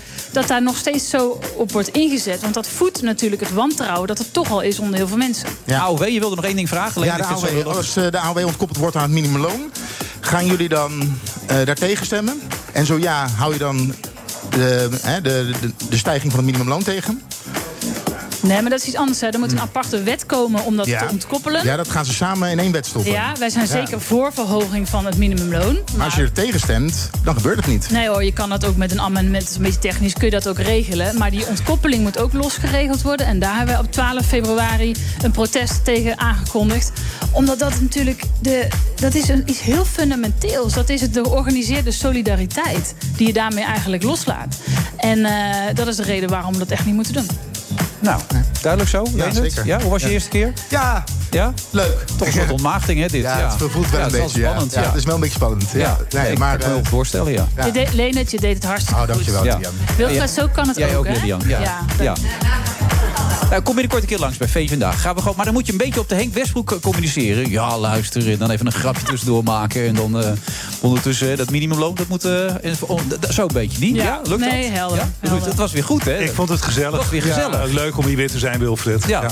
Is er nog iets dat je kwijt wil? Of zeg je, nou, ik heb alles verteld? Ik heb alles wel verteld. Ja. Ja. veel, veel plezier vanavond nog een keer. Voor jou, hè? Ja. TV. Nou, Ja. Topshow natuurlijk. En, en morgen lekker naar Ibiza? Morgen lekker naar Ibiza. 15 Oh. graden, Oh, zonnig. man, oh, man, oh, Heerlijk. man. Ja. Sommige mensen. Maar ik vond het leuk dat je er was. En volgende week zijn we er weer. Waar, weet, waar zitten we volgende week? Hier. Hier? Oh, en kunnen mensen langskomen? Nee? Oh, nou, niet. Maar dat zeggen de vaste gasten, dan zijn ze een stoel kwijt. Volgende week zijn we er weer. Tot dan, dag. Goedemorgen allemaal. We mogen weer. Welkom allemaal. We gaan weer open. Eh, maar dit is een eerste stap op weg naar het eh, oude normaal. Want Nederland gaat deals weer open. Dus die opluchting voel, voel ik wel bij ondernemers. We laten de maatregelen weer los. We zetten vandaag een grote stap. Het allerbelangrijkste is eh, dat ondernemers weer omzet kunnen draaien, dat ze open kunnen. Maar niet alles mag open. En daar is niet iedereen blij mee. Goedemorgen allemaal. Hoe graag Poetin ook wil, Back to the Future zit er niet in. Maar je ziet ook dat dat dus inderdaad uh, belemmerd wordt door ziekteverzuim. Dat ons over een paar weken weer jojo-beleid wordt verweten. Blij ben ik eigenlijk helemaal niet met deze situatie. Ik zou het liefst alles opengooien.